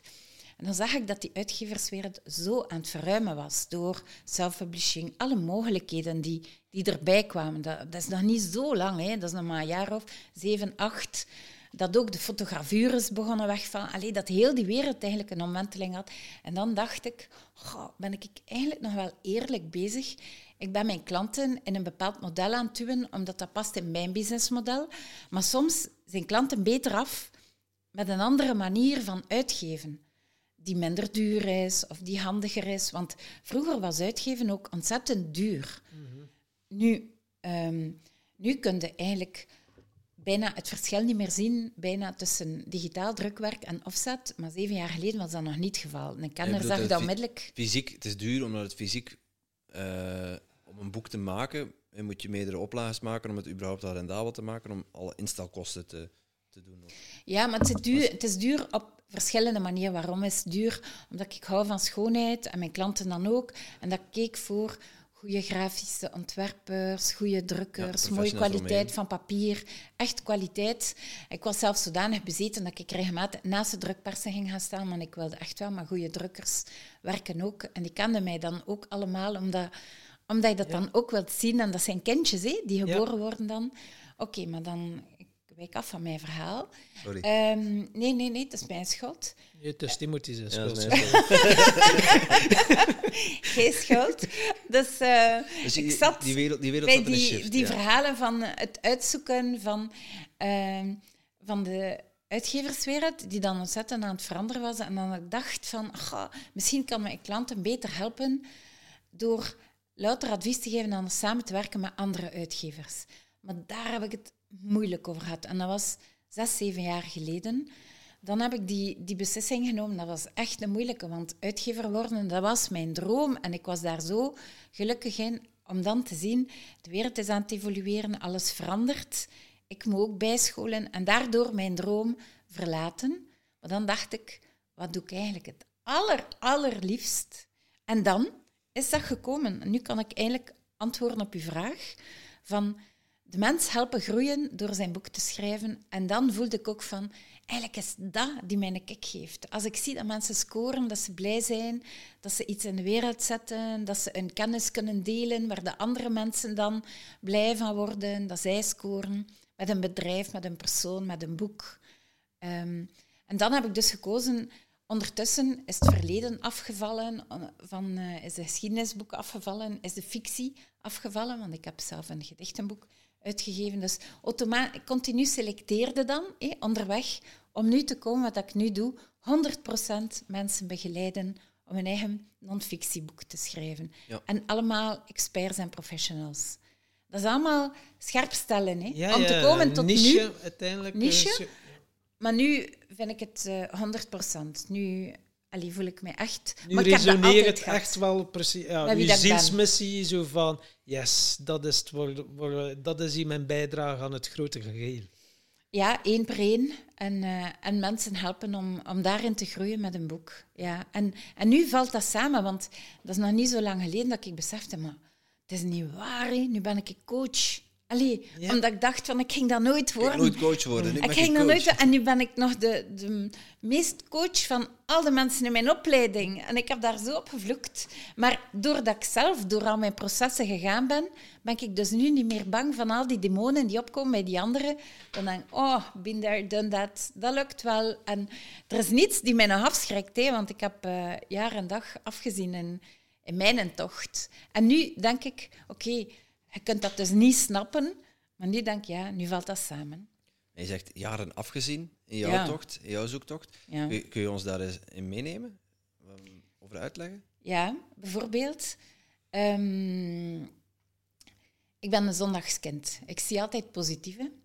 Maar ehm, ik, op een bepaald moment was ik enkel naar die kant aan het kijken. En heb ik mijn negatieve kant of, of de schaduwkant onder de tapijt geschoven, omdat die mij niet diende. Maar die was er wel. En eh, dat heeft echt wel jaren geduurd om die naar boven te krijgen. En, en daar ook naar te kunnen kijken zonder te veel oordeel. Want dat oordeel was zo zwaar, die pijn was zo zwaar, dat je daar liever niet naar kijkt. Allee, ik toch niet, dat was mijn punt. Ja, dat En nu- is, eh, klopt inderdaad. Dus u dat, dat is heel herkenbaar ook. Altijd het positieve zien, ja, dan eh, was wel handig om de pijn niet te moeten Juist. voelen. Dus elke keer ha- half vol zo. "Ah, dat is toch zo erg niet? Of minimaliseren. Maar ja, als je het zo bekijkt, eh, valt dat mee. Gewoon om eh, niet Ja. naar dat... Of er bestaat toch veel erger. Kijk een keer naar daar. Ja. Ik mag toch niet klagen. hè, maar wat ik, allee, ja, zo continu. Ja, Ja. ik was daar zeer goed in. En eh, dat, dat vind ik nu wel een heel interessant, Timothy. Nu even shut Ja. up. Ja. Ik ben benieuwd. Hoe, hoe, hoe, zijn- hoe ben je tot die realisatie gekomen en hoe heb je dat omgekeerd of omgedraaid? Of hoe heb je dat in je voordeel kunnen gebruiken? Of als je kracht? Wel, dat is toeval. Dat is echt toeval en geluk. Want wat is er gebeurd? Op een bepaald moment, ja, ik, eh, ik had dus dat tijdschrift. En, eh, en ik was ongeveer... Ja, nee, ik zat, nog in volle, ik zat nog in volle therapie ook, want ik deed zo alles samen natuurlijk. Ik had mijn eigen tijdschrift en op een bepaald moment dacht ik, ja, nee, nu moet ik echt... Het was, ik was veertig aan het worden, nu moet ik echt beginnen met mijn droom. Boeken. Ehm, en plots, echt waar, kreeg ik een mail van iemand die mij vroeg: ehm, Nee, ik kreeg twee voorstellen. Ik kreeg een mail van iemand die mij vroeg, kende geen uitgever, want ik ben op zoek naar een Nederlandstalige uitgever, omdat ik zelf begin met een uitgeverij, met boeken op basis van interviews. En ik dacht, kende iemand? Zou ik dat zelf niet doen? En oké, dat was één. En het andere was, uh, mijn toenmalige relatie uh, was er een vrouw waar dat we regelmatig contact mee hadden. En die vrouw was plots programmadirecteur geworden bij Vitaya. En uh, zij wou beginnen met een, een programma. En in mijn toenmalige relatie um, waren er nogal wat haantjes. Um, was er nogal wat gestoef. En vaak nogal de mannen, en ik kon dat nogal wat counteren, of ik ging daar vaak tegenin. En daarop heeft ze gezegd van, ik zoek eigenlijk nog één vrouw, wilde daar niet aan deelnemen. Ik zei, ja maar nee, ik ben een papieren vrouw en ik lees en nu niet zo televisie. Maar ik heb dat dan toch gedaan, gewoon als uitdaging, om dan ook te zien, dat is het niet. Maar de contacten heb ik er wel aan overgehouden. En zo groeit dat. Plots krijg je de dingen op je pad om te zeggen, ja, nee, zo ga ik verder, dat ga ik niet doen. En volgens mij is zoveel meer van, waar droom je zelf van? En dan kun je zelf selecteren met wat dat er op je pad komt, waar dat je meegaat. Soms kunnen nog altijd een keer zeggen van, ja, ik ga dat wel doen, dat is wel een keer leuk. Op televisie, ik wil een keer weten hoe dat, hoe dat, in elkaar zit. Om dan te zien van, nee, dat is niets voor mij. Maar het was wel heel tof om te doen. Ik heb wel veel bijgeleerd. Ja, je moet dus, dat wel proberen. Ja, ik ben, dat is, ik ben verschrikkelijk bang voor alles, om afgewezen voor alles. Maar mijn nieuwsgierigheid is nog altijd net iets groter. Oké. En mijn zin voor avontuur. Dus ik doe het met de grootst mogelijke schrik, maar ik, ik ga het allemaal aan. Dat was hetgene wat die vrouw op zei, maar hij zijn bang. Ja, ik ben verschrikkelijk bang, maar ik doe het. Ja, ja, ja. Maar ik moet veel overwinnen en niemand kan hem inbeelden hoeveel dat ik me overwin om dat te doen om zichtbaar te zijn. Maar toch is mijn nieuwsgierigheid, mijn drang naar leven, om bij te leren, die is, dat is dus echt vrij groot. Hè? Dus uiteindelijk is het wel ja, dat gevoel van bang om afgewezen te worden, maar dan toch die nieuwsgierigheid haalt het dan toch nog net, waardoor dat je toch die stap in het onbekende zet, op een manier van spreken. Ja, en, altijd die uitdaging, dat avontuur ook. Uh, ja. Ik, ik, wil je ook zeggen van, uh, van alles wat je al tot nu toe onder, ondernomen hebt, dat je er altijd wel heel veel plezier in beleefd hebt. Je bent begonnen bij, uh, bij. Oh. Uh, daar, als je daarover praat, ik spat er, spat er ook vanaf, de luisteraars zien dat niet, maar uh, je, je deed dat met heel veel passie, met heel veel plezier, dus je was ook wel gelukkig in die job. Zeer. Je, um, wat is dan jouw strategie om, om, om, ja, om die switch elke keer te maken? Om van, ja, ik ben super gelukkig, maar er ontbreekt iets? Of en dan ga je op zoek naar, naar wat dat dan is en dan maak je een omslag. Er zijn heel veel mensen die zeggen dan, ja, kijk, ik heb daar altijd voor van gedroomd, ik heb het nu, ik ga er mee aan vasthouden totdat ik er uh, ongelukkig van word, denk ik dan. Krampachtig begint ja. te worden. Ja. ja, bij mij zijn er dan altijd elementen die spelen waardoor dat ik moet keuzes maken. In het geval van Lano ga ik het nooit vergeten. Ik was daar ook ontzettend gelukkig. Maar ondertussen had ik, twee kinderen en uh, die waren klein. Maar op het moment dat ze naar school gingen, en ik begon om acht uur bij Lano en Tielt, en ik moest om zeven uur al beginnen rondrijden met mijn kinderen om ze af te zetten aan de crèches en zo. Op een bepaald moment uh, waren mijn amandels zo crypteus dat een dokter zei, we gaan ze moeten uithalen, want het wordt gevaarlijk. Mijn amandels eruit. Louis, mijn zoon, had uh, continu um, had hij diabolo's dat ze moesten in zijn oren steken van hij sliep niet goed en hij had oorpijn, dus diabeloos. Dus we werden eigenlijk allemaal ziek van vermoeidheid. Het was te veel aan het worden. En uh, dan dacht ik, ik ben wel redelijk ambitieus, dan dacht ik, wat ga ik kunnen doen om verder te werken met de kinderen om mijn uren te regelen? En dan dacht ik, ja, dan moet ik zelfstandig worden, want ik wil absoluut blijven werken.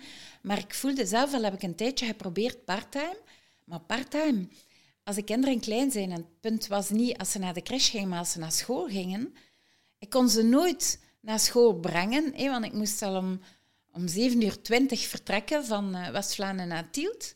En de, Tielt is ook West-Vlaanderen trouwens. En als je gedaan hebt, ja, ik, ik stopte nooit om 12 uur. Als ik dan parttime werk, was rap 12 uur 30. Maar school is gedaan om kwart voor 12. Dus mijn kinderen vermoeid, ik vermoeid. En ik dacht, ja, ik moet eruit, want ik ben hier iedereen ziek aan het maken. En uh, dan je kunt dat negatief bekijken, maar mijn positieve bril zei dan, om te zeggen, ja, ik draai alles echt positief. Ehm, door mijn kinderen heb ik mijn meest ambitieuze stap ooit gezet. Ben ik zelfstandig geworden. Dus het is niet van, joepie, jij, er zit wel altijd een pijn achter waardoor dat ik moet schakelen. Hè. Ook het feit wat ik vertelde van ik maak dan de boeken waar dat ik het meest trots op ben en waar dat ik het meest mee zal scoren en al. En dan voel ik mij niet gelukkig of zeg ik nooit meer. En dan denk ik, waar komt dat vandaan? Dat is gewoon je, gevoel volgen, maar dat is geen positief gevoel. Hè? Dat is een gevoel dat zegt, je moet iets veranderen, want het klopt niet meer nu. Ja, en dan zo, ja, die zelfstandigen, ja, dat zijn dan zo van die gekkies die dan 80 uur per week werken, om dan eigenlijk niet 40 uur per week voor een baas te moeten werken. En uh, dan kan men zich wel voorstellen, heel veel mensen die dat horen, zo, ja, Laurence, dan staat de burn-out toch wel om de hoek te loeren? Of bij jou niet? Nee, nee. Ik heb daarin uh, geluk gehad, denk ik. Nee, nee. Nochtans, ik heb echt periodes meegemaakt waar dat ik ook echt kantje, boordje... Allee, ik, ik, ben echt een held in het combineren ook. Uh, bijvoorbeeld, op een bepaald moment, ik werkte nog bij Lano. Uh, ik was net bevallen van mijn eerste kind. En ik ga het nooit vergeten. Um, ik was nog maar een week of twee bevallen. En vlak voor de bevalling was ik echt in topvorm. Want Matthias zei, Matthias Lano, die nu de directeur is, van mij moet hij altijd zwanger zijn. Maar dat was niet meer zo bij mijn tweede kind. Maar bij het eerste kind was ik echt, ik blaakte van energie, gezondheid. De sky was de limiet. Oké, ik beval. En nadien, na twee weken, mijn geheugen werkte niet meer. Dus, ik las de krant, ik wist niet wat ik gelezen had. Um, ik kende mijn klantennummers niet meer van buiten, de kortingen kan ik niet meer van buiten. Ik dacht, oh, wat speelt er hier? Ik dacht, mijn geheugen is weg. Ik dacht, oh my god, my god. Wat heb ik dan gedaan? Ik dacht, ja, ik, ik moet mijn geheugen terug beginnen trainen. En hoe ga ik dat doen? Ja, zonder deadline, zonder motivatie doe je dat niet. Zo van, ik ga gedichten van buiten leren. Ja, je doet dat de ene keer en dan is dat weer voorbij. Dus eh, dan dacht ik, oké, ik ga het mij moeilijk maken. Ik ga mij inschrijven aan de universiteit. Ik, ga, ik, had, ik heb communicatiewetenschap gedaan. Ik dacht, ik ga filosofie doen. Dat heb ik daar enorm gemist. En ik hou van filosofie. Dus ik ga me inschrijven in de Filosofische Academie aan de Kulak. En ben ik daar geweest en ik heb examens afgelegd. Ja, dan moet je wel studeren. Hè. Ik ga niet zeggen dat mijn grote onderscheiding was er overal nep door. Maar tegen dat ik mijn examen aflegde, was ik serieus zwanger van mijn tweede kind.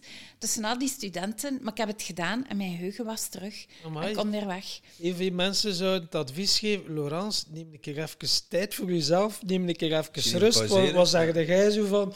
Ik ga de unief doen en ik ga er nog een keer volle bak invliegen. Ja, met kleinkind en melano. Ja, ik kwam dat tekort. Dus om te zeggen dat ik echt wel hou van informatie en dat mij dat ook gelukkig maakt. Ah. Maar ik heb dus wel geluk gehad, denk ik. Ik ga waarschijnlijk wel een paar keer kantje boordje geweest zijn, maar... Nee. Maar blijkbaar ja. Maar Voor jou is uh, nieuwe kennis opdoen of opsnuiven of... Uh, ja, dat geeft u energie ja, en enorm. inspiratie. En dat voedt mij en dat maakt mij gelukkig. En uh, ik denk dat ik geboren ben met een enorme honger. Ja, en nu denk ik nog altijd, het is misschien al ten helft op, uh, op geantwoord, dus uh, je ziet nog altijd alles positief, maar hoe ga je dan om met negatieve dingen? Draai je het nog altijd positief of geeft het nu ruimte of geeft u uw negatieve dingen ook bestaansrecht? Ja, dat, dat, dat blijft wel een werkpunt. Om te beginnen mediteer ik nu. Um, ik schrijf ook meer en dus die schrijf ik neer. Uh, ik bespreek die ook met mijn vriendinnen, allemaal. Dus dat was ook iets. Vroeger deed ik dat niet. Het was altijd allemaal positief. En nu, ja, alles gaat goed. Nu deel ik dat wel. Nee, ja, nu, uh, nu zeg ik van oké, dat is moeilijk. En, en dat vind ik fantastisch. Het delen zorgt ervoor dat ze afnemen aan kracht. Hè. Mm -hmm. En voor mij is dat, ja, zijn mijn vrienden daarin heel belangrijk. En, mijn dagboek en mediteren. En ik ga er meer mee om. Maar het blijft wel een aandachtspunt. Hè. Ja, want uiteindelijk denk ik dan zo van, ja, ja, of uh, luisteraars denken nu, ja, ja, Laurence die vlucht altijd in de boeken om niet, moet, om niet te moeten voelen. Mm En dat was mijn punt. Ja, maar pas op, ik heb nog vlucht, vluchtmechanismes, ja. hè. alleen boeken, hè. Allee, ja. Ja, ja, ja. ja, Ik ben zot van goede films bijvoorbeeld ook, uh, ja. Oké, de afleiding over zo, ja, dat gaan we nog even niet voelen.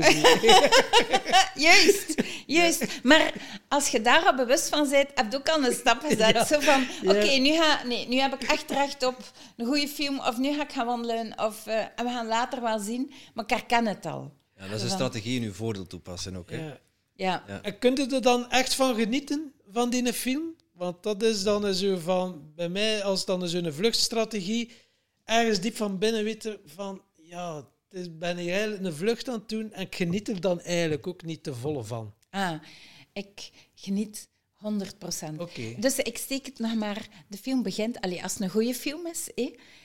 um, ik heb wel een enorm empathie.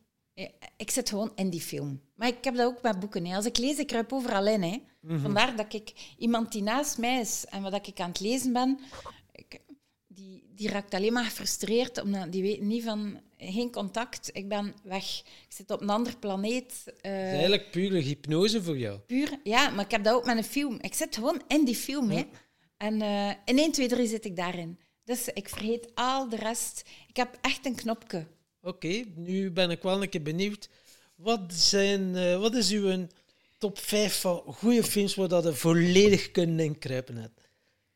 Goeie films. Of top drie. Ja, de, die dienen zo nu spontaan even te binnen schieten. Ja, een film waar dat ik enorm van genoten heb, dat weet ik, is Bagdad Café, de Ouden. Maar nu uh, ja, ben ik ook zot van, van reeksen hè, op, uh, op Netflix. Uh -huh. Oeh, dat is zo gevaarlijk. Ja. Binge-watching. Hm? Binge-watchen. Oeh, oeh. Welke ben je bezig nu?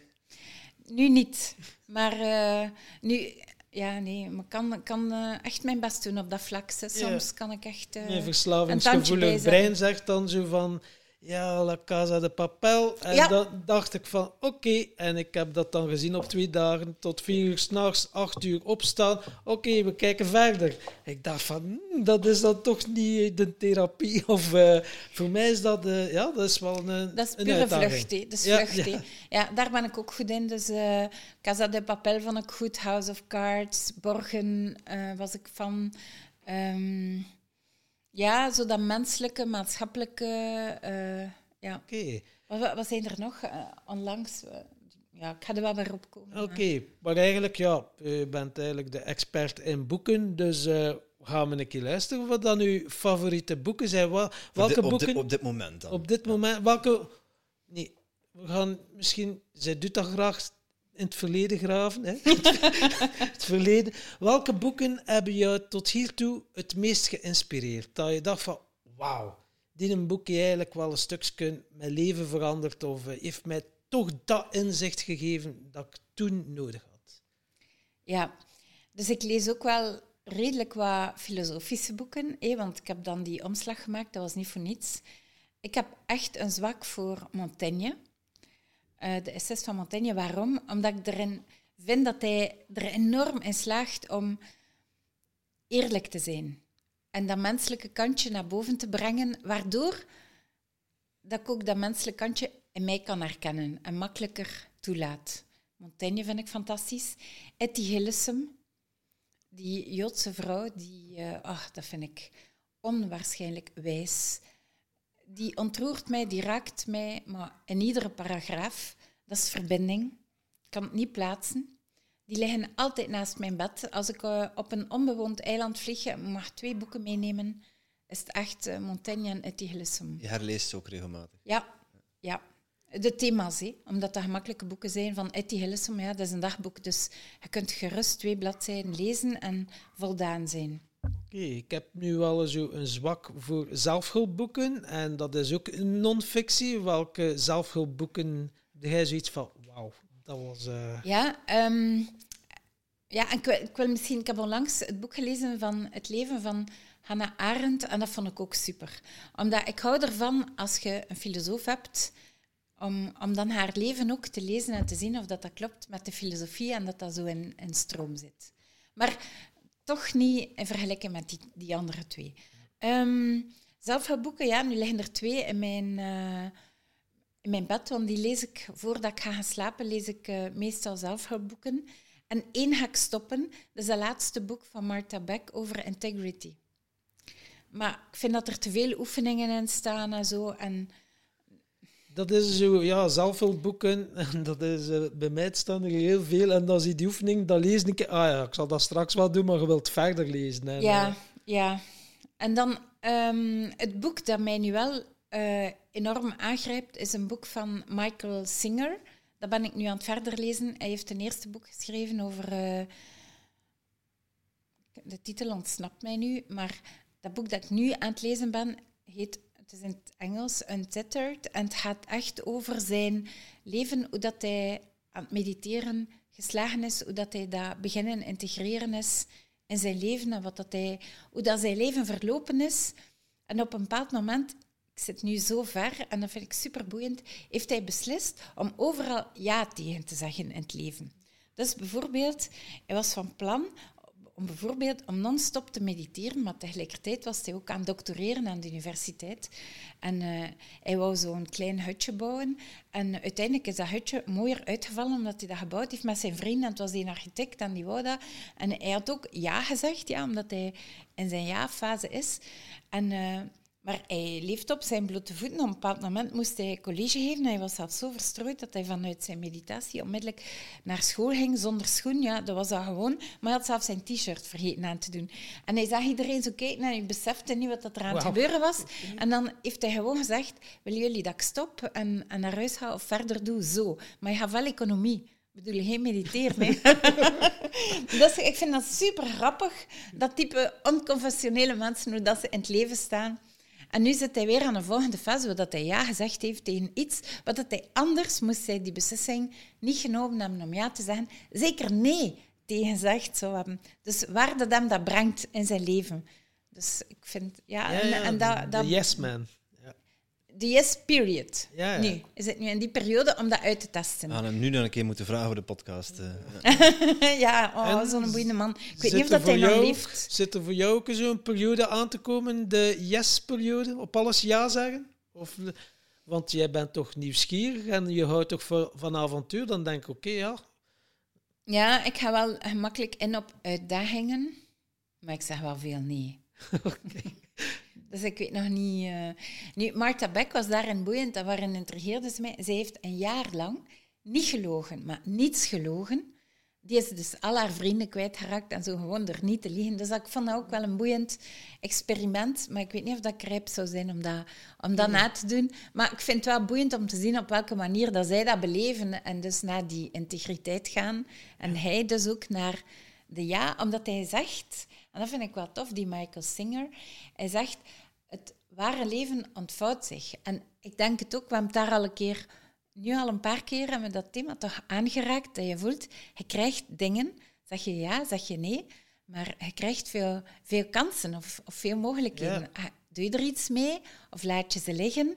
En wat als je alles krijgt van het leven. En dat je zelf niet meer moet beslissen. Maar dat je gewoon altijd zegt ja, omdat je gewoon alles krijgt. Ja. Ah, ik vind leven, dat superboeiend. leven geeft je eigenlijk wel die dingen die je op dat moment nodig hebt. Maar we staan er niet altijd bij stil.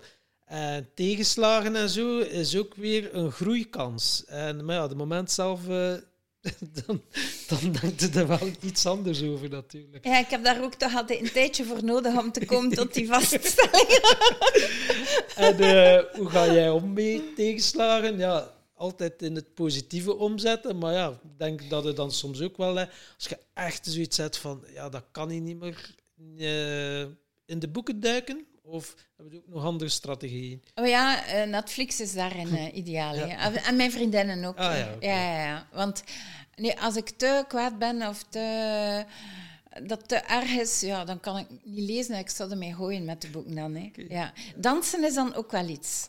Muziek keihard in mijn oren en uh, wandelen, maar dat lijkt dan meer op een dansje. Dat helpt ook. Ah, ja. ja.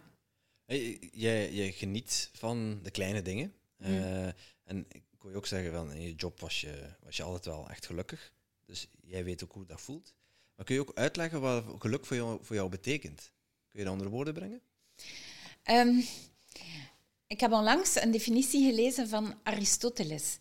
En ik vond dat fantastisch, want hij gaf drie elementen aan van waar geluk uit bestond.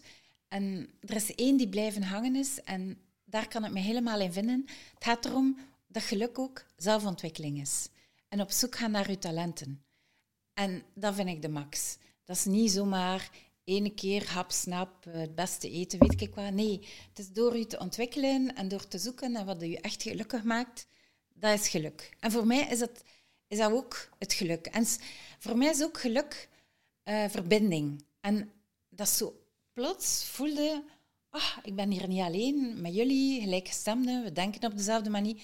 Plots word ik dan super gelukkig. En dat zijn zo, jullie hebben dat waarschijnlijk ja. ook. Klopt ja, inderdaad. Voor mij super gelukkig op dit Ja, ja, zo, ja, inderdaad. Die zelfontwikkeling, dat groeien en dan expanderen. En uh, ja, die diepe connectie maken. Uh, ja, zo, we kennen elkaar niet, maar ja, dat was twee minuten, er was zelfs geen inleiding voor nodig, geen studieronde, dat was direct pak de diepte in. En uh, dat zijn eigenlijk wel de mooiste gesprekken en dat zijn ja, zielsvriendinnen, of, of ja, hoe kun je het uh, omschrijven? Uh, ja, heb je daar een woord voor? Maar dat is ook niet nodig, hè? Oh, ja, nee, ben aan een podcast? Ja. Wat ben nu aan het doen zijn?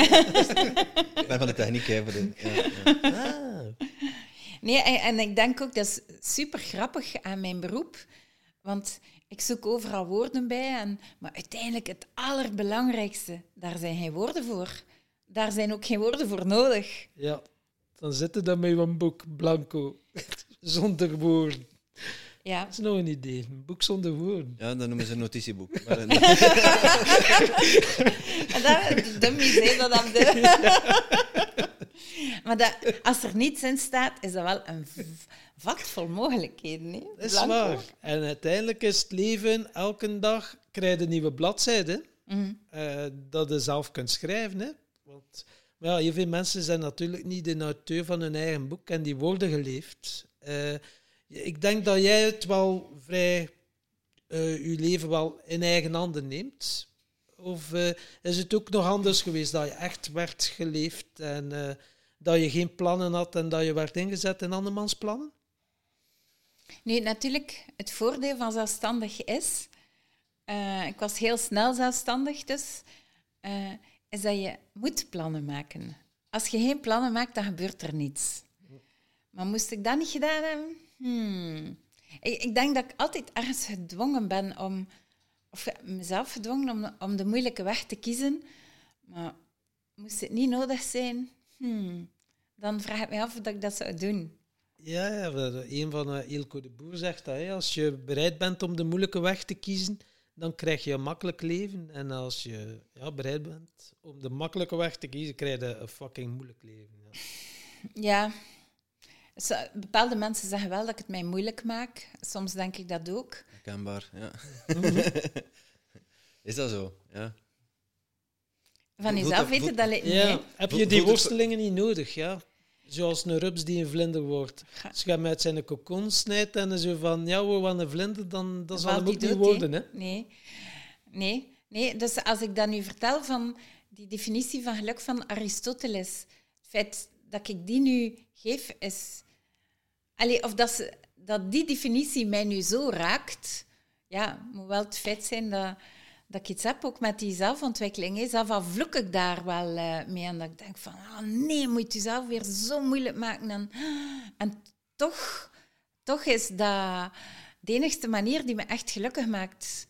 Um... En zelfontwikkeling, dus ik vermoed dat je dan ook wel al heel wat mensen hebt begeleid die boeken schrijven over zelfontwikkeling. Lees je die dan ook uh, als ze uitkomen? Ene keer, ik lees al die boeken minstens vijf à zeven keer. Allemaal. Ja. En als ze uitkomen, dus niet meer. Maar uh, ja, ik weet alles staan. Ja, alle boeken die verschijnen, ja, hij helpt die auteurs daardoor. Ja, dus ik, uh, ja, ik ga daar zeker door. Het zijn er wel echt zeer goede boeken die nu ook onlangs verschenen zijn, wat ik zeker weet, die ga ik nog regelmatig terug open doen. Gewoon omdat ze fantastisch zijn. En nu... Kun je namen noemen? top drie van u, van uh, de mensen Oeh, dat u begeleid? dat is gevaarlijk. Ah, nee, van al die anderen. Oeh, nee, nee. dat kan ik niet doen. Moet ze niet in volgorde van belangrijkheid stellen. Maar nee, maar ik ga nu één dat onlangs verschenen is, waar dat ik echt dat gevoel ook had van, van Maaike Verstraeten, Leven om te floreren. En dat is zo'n boeiende vrouw ook, omdat dat is een vrouw die, die ook het enorme talent heeft om moeilijke dingen begrijpbaar te maken. En zij leest ook ontzettend veel. En, um, en zij zet dat dan om in de praktische weg, maar ze is ook tegelijkertijd heel authentiek en heel eerlijk. Dus ze heeft een, een zalige mix van, uh, ja, van talenten en, en een manier om die weer te geven. Leven om te floreren. Ja, ja. Dus uh, dat is pas verschenen. Um, ja, ik heb dan ook twee boeken uitgehelpen uh, dragen over um, op welke manier zet je je medewerkers die op de werkvloer staan, kun je die stimuleren zonder te veel top-down te gaan, maar ze zelf te stimuleren vanuit hun manier van denken. Want zij denken anders dan, uh, dan de top. Van, van op hun niveau gaan te stimuleren. Dat, van, dat vond ik ook fantastisch. Dus ik, ik, eigenlijk geniet ik van ieder boek. Ja. Haal ik heel veel uit. Ik ben nu een boek aan het lezen, bijvoorbeeld over uh, mijmeringen over liefde. Dat is een oudere man die nu 80 geworden is. En ik heb zijn eerste twee boeken ook uitgegeven zelf nog bij Jinbooks. Hij is nu een derde boek bezig en we zijn nu aan een vertaling en verwerking van zijn aanvankelijk manuscript. Hij heeft een zeer goede redacteur die dat nu veranderd heeft en aangepast heeft naar ja, echt iets leesbaar. En, en het blijft mij ontroeren ook op welke manier dat dus die redacteur die tekst omgezet heeft, maar ook dat die auteur tot bepaalde bevindingen komt over liefde, waardoor dat hij mij ook weer een andere bril geeft om, om te kijken uh, naar het leven en naar, naar de geschenken van het leven. Maar hij kijkt echt wel naar de donkere kant ook, dus hij leert mij die ook zien. Okay. Dus eigenlijk leer ik van iedereen ja, zoveel. En van ja. op de eerste rij uiteindelijk. Ja, ja. Dat is een voorrecht eigenlijk. Hè. We, we hebben het zelf natuurlijk, want ja, wij, wij hebben een podcast. Ja. Wij, wij, ja. wij, wij begeleiden niemand in onze podcast, maar uh, het zijn wel altijd superboeiende gesprekken. En je neemt iedere keer weer ja, zoveel inzichten of ideeën of ja, leuke levenslessen van mensen ook mee. En dat is ook zeer waardevol om dat te kunnen delen met mensen. Ja, dat is, ik zeg dikwijls, ik heb de mooiste job van de wereld. En gelukkig, ik heb een, een oom, die, uh, de broer van mijn vader, en dat is zo'n beetje de filosoof van de familie, maar hij is ook in het zakenleven gestapt, hij kon niet anders. Maar nu is hij echt filosoof, bijna puur sang. En uh, nu leeft hij volop zijn passie. En uh, ja, die volgt mij, die leest mij. En nu hebben wij echt ook contact dan op, op zo'n niveau. En dat is nu mijn grootste supporter bijna bij alles wat ik schrijf. Ik vind dat fantastisch, omdat hij dat ook kan plaatsen. En, uh, en hij reflecteert daar, daar dan op. En? en? ook bij mijn klanten. Ook, ja, ik vind het fantastisch. En ben jij uh, bezig al met een volgend boek? Dus je hebt één boek al ja. uitgebracht en uh, geschreven. Komt ja. er nog een tweede boek? Ja, er zijn zaadjes aan het groeien. Oké. Okay. Uh, maar het is nog echt in die vorm. De, embryo daar... de embryonale fase. Ja, ja, ja. Zelf nog niet. Nog okay. niet. Ja. ben je van principe alle scheuten, alle scheuten mogen bomen worden of ga je nog uh, schiften? Uh, nee, nee, nee, nee, Ik ben echt nog aan het genieten van de scheuten. En ze komen nog. Dus okay. uh, zelf de scheuten zijn nog niet uh, compleet. Ah, ja. Nee, maar ik begin zo wel... De, de eerste stap is zo beginnen voelen van... Oh, het zit wel... Oh, er leeft iets. Allee, kan dat nu? Ja, het begint toch wel. En nu voel ik van, oké, het kan toch wel beginnen. En ik krijg zo, dat is het ook, ik lees, mijn manuscripten lees ik, uh, boeken, de kranten. En hier en daar begin ik al, ah, dat is misschien in mijn gesprekken met klanten, oh, dat komt wel vaak voor, misschien kan ik daar iets mee doen. Dat zijn zo allemaal losse gedachten, dus het is echt in die fase dat ik nog zit. Ja, ik hoor jouw verhaal en uh, ik denk dan ook gelijk aan het... Uh, bestseller van uh, Napoleon Hill, mm -hmm. uh, Think and Grow Rich, hè, van, over dat, dat, planten van een zaadje en ja, die alleroverheers, alles overheersende gedachte, uh, dat geloof in jezelf, dat je, dat je echt iets wilt en er ook alles voor over hebt om dat doel te bereiken. en ik hoor jou net ook zeggen van, soms komen er dingen op je pad en moet je dan de keuze maken van, ga ik hiermee mee of blijf ik mijn eigen, vasthouden aan mijn eigen route? Allemaal dingen die, die daar ook terugkomen. Je hebt, je hebt het boek ook gelezen? Nee. Nee? Maar ik ken hem wel en ik zie wel regelmatig quotes van hem passeren die mij wel... Maar, ik, maar nee, ik heb, ik heb het boek nog niet gelezen, nee. nee. Het is wel uh, op onbewust niveau, van, de, van de dingen die jij vertelt, komt, pas je heel veel dingen toe die daar ook terug in komen. In het mm. boek. Think and Grow Rich gaat over, over veel geld verdienen, maar vooral ook over een rijkdom er, zeg je dat, creëren in je leven. Um, sommige mensen zouden dat succes noemen. We hadden net al de vraag gesteld van wat betekent voor jou geluk. Um, maar wat, wat, voor definitie zou jij geven aan succes? Oh, voor mij is succes doen wat hij graag doet. Dat is helder. Kort en krachtig. Ja. Doen wat je graag doet. En uh, ik zie als je, je daar kunt stralen. Van, ja. Als je daar kunt van leven, van te doen wat je graag doet, voor mij is dat succes. En er dan nog anderen kunt laten groeien, dat is zeker succes. Mhm. Ja, zeker. Ja. Uh, we weten het, uh, dus we laten nu jou bijvoorbeeld ook een vraag bedenken voor aan onze volgende gastenstel. Het is dan aan ons om ze te onthouden. Misschien moeten ze opschrijven. ja. En deze podcast, Tom, hadden die angst toch al overwonnen hebben. Hè? Ja, dus uh, je mag een vraag bedenken voor onze volgende gast. Maar we weten nog niet wie dat is. Um, Oké. Okay. Uh... Eh, ja, wat is de steen waar dat hij al drie keer tegen geschopt heeft in zijn leven? Oké. Steen, drie keer of haar. Ja. ja. We gaan ervan uit dat het geen ezel is dan. ja. ja, en dat hij, dat hij het nog, of zij het zich nog kan herinneren. Want heel dikwijls zijn dat ook... Uh, onbewuste patronen, vliegt dat weg? Wil je het niet geweten ik hebben? Ik vind het een fantastische mooie vraag. Ja, wat is de steen waar je al drie keer tegen geschopt hebt? Wel, dat is de steen waardoor dat ik dan begonnen ben met, uh, met mijn persoonlijke ontwikkeling. Ah ja. Ja. Doordat ik kon zeggen van... Uh, ik kon de schuld buiten mij steken, wat het gemakkelijkste was. Of de weg naar binnen, wat dat veruit de moeilijkste was. En iedereen die hem niet neemt, begrijp ik maar al te goed. en daar zijn ook vrij in, want dat kun je ook niet forceren. Je bent de enige die zelf weet, ik ga het proberen of niet. Ja, ik laat het. En, en ja, uh, wij uh, zeggen dat. Wij, wij hebben ons bedrijfje Toedeloe. Wij zeggen, zeg Toedeloe tegen bullshit-gedachten die je tegenhouden om te groeien. Uh, ik vind het wel een boeiende vraag om aan jou ook te stellen. Van op dit moment Welke bullshit gedachte houdt er jou nog tegen om, nog verder te groeien? Hmm.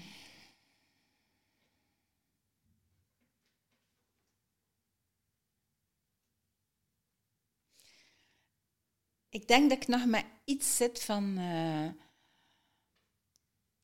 met zo'n een, een steen van. Je moet je best doen, je moet je best. En in plaats van. Zij blij met wat dat er komt.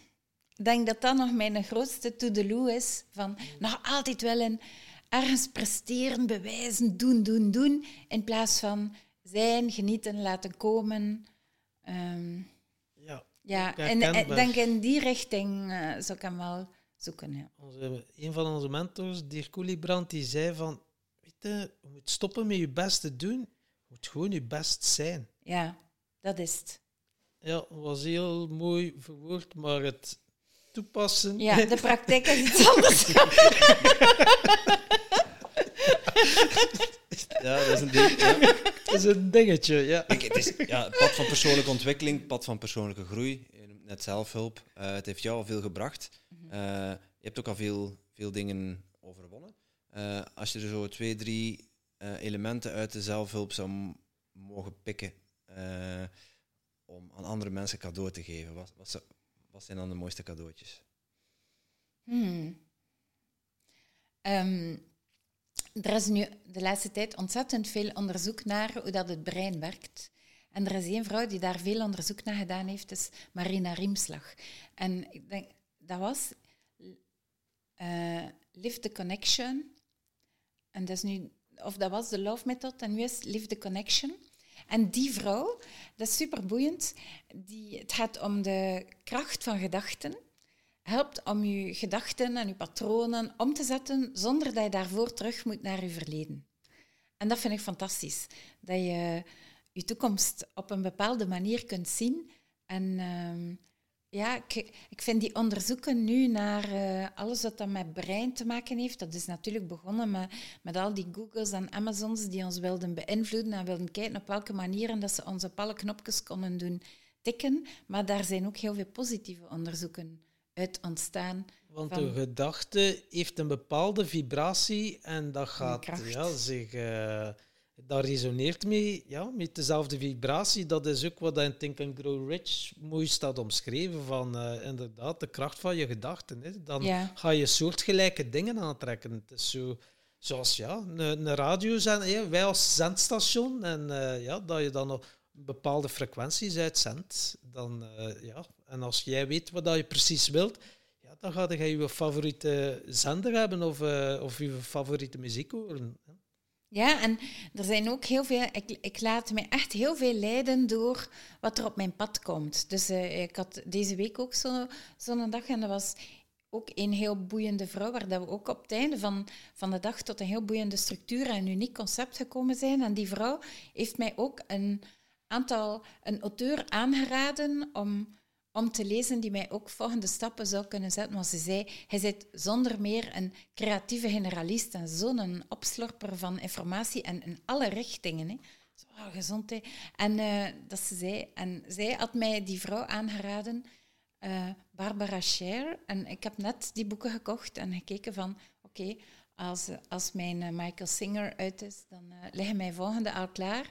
Gewoon omdat ik ook een, een zeer boeiende connectie had met die vrouw. En ja, om te zeggen, je krijgt wel iedere keer je materiaal op je bord. Of laat, laat u raken door hetgeen dat je krijgt. Mhm.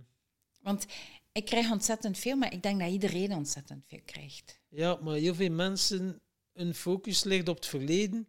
Maar ja, dan zie je niet de deuren die open gaan in de toekomst. Hè. Dan zie je niet wat er op je pad komt hè, als je altijd achterom kijkt. Ja, en, het eerste punt is, is om daar bewust van te zijn dat je achterom kijkt en dat je kunt veranderen van bril. Natuurlijk zet dan niet altijd een roze bril op, like dat ik gedaan heb. Neem, neem toch een paar kleuren van de regenboog. Ehm, maar ik, ik, denk dat ook een van de belangrijkste gedachten is, je bent goed like dat je bent. Mhm. Al de rest komt erbij en geniet ervan. Ja, En ik vind het fantastisch dat jullie de naam Toedeloe, ja, ik moest even denken van Toedeloe. Uh, als je daar geen uitleg bij geeft, zo van... Uh, wat maar, zijn dat voor een mannetjes? voor een serieus bedrijf, maar uiteindelijk is het fantastisch als je, als je de fun terug in je leven kunt steken. Want er is al zoveel zwaarte. Mhm. Als er een beetje plezier en fun... En uiteindelijk is het ook het plezier en fun die je helpt om volgende stappen te zetten. Is dat die invulling ja, geeft zelf. Ja. Want mm. ja, je kunt leven wel serieus nemen, maar je kunt het evengoed met een fungehalte ook uh, leven. En daar hebben we allemaal vrije keuze in. Maar ja, sommigen willen ons doen geloven dat het allemaal serieus is en dat oeh, en je wordt in hokjes gezet en gelabeld. En uh, ja, enkel al die gedachte, die gedachte gaat niet te veel vibreren. Nee, nee. nee. Dus goed bezig met uw to-do en ik wens jullie er ook alle, alle succes en plezier mee vooral. Ja, merci, merci. Dank u wel. Grote stap. Um, ik, stel, ik hoorde je zeggen dat je vijf e-boeken hebt en dat het eerste hoofdstuk van jouw boek ook te downloaden is. Ja. Um, ik stel voor om, om, om alles te bundelen in een pakketje en dat ook op onze website te zetten. Oh, fantastisch. Dan uh, kunnen mensen daar uh, ja, meer over jou uh, vinden. Dan kunnen ze daar eigenlijk direct al aan de slag met het schrijven van een, van een eigen boek. Um, als mensen uh, meer, ik zal een, een, link aanmaken. Dus als ze meer willen weten, kunnen ze naar www.timtompodcast.com slash uh, ik wil een boek schrijven. Mm. Voilà. Ja. timtompodcast.com slash ik wil een boek schrijven. En dan uh, kunnen ze daar ja, een e-mailadresje achterlaten en dan kunnen ze jouw spelletjes downloaden in één keer. Oké. Okay. Um, als mensen meer informatie over jou willen weten, waar kunnen ze dan terecht? Het beste is mijn uh, website, want daar kun je ook rechtstreeks een gesprek aanvragen als je dat wilt. Uh, en dan heb je rechtstreeks zelf een, een link in mijn agenda van Calendly, dat je hem direct kunt inboeken met Zoom-link inbegrepen. Dus dat maakt het okay. gemakkelijk om met mij contact op te nemen. Maar ik zou zeggen, begin met mijn boek en mijn eerste hoofdstuk. En zie of dat u aanspreekt, of dat u ook raakt of niet. Want ik denk dat dat een beste barometer is. Ja, inderdaad. Als er, uh, ja, dat is als je een coach onder de arm neemt of een mentor. Ja, het is wel belangrijk dat er een klik is. Ja. Want anders, uh, hij mag nog zoveel kennis hebben en diploma's hebben van hier tot in Tokio. Dat gaat hem niet worden als je er geen klik mee hebt. Nee, nee, daar begint het echt mee. Ja, klopt. Mooi, en mijn boek ook. Hè. Je moet, uh, in ieder boek past voor iedereen. Ja, juist. Oké, okay, uh, dankjewel uh, Rans. En uh, ja, dat we, dat we jou eh, aan de tand mochten voelen in onze podcast. Graag gedaan. Dankjewel. Gedag.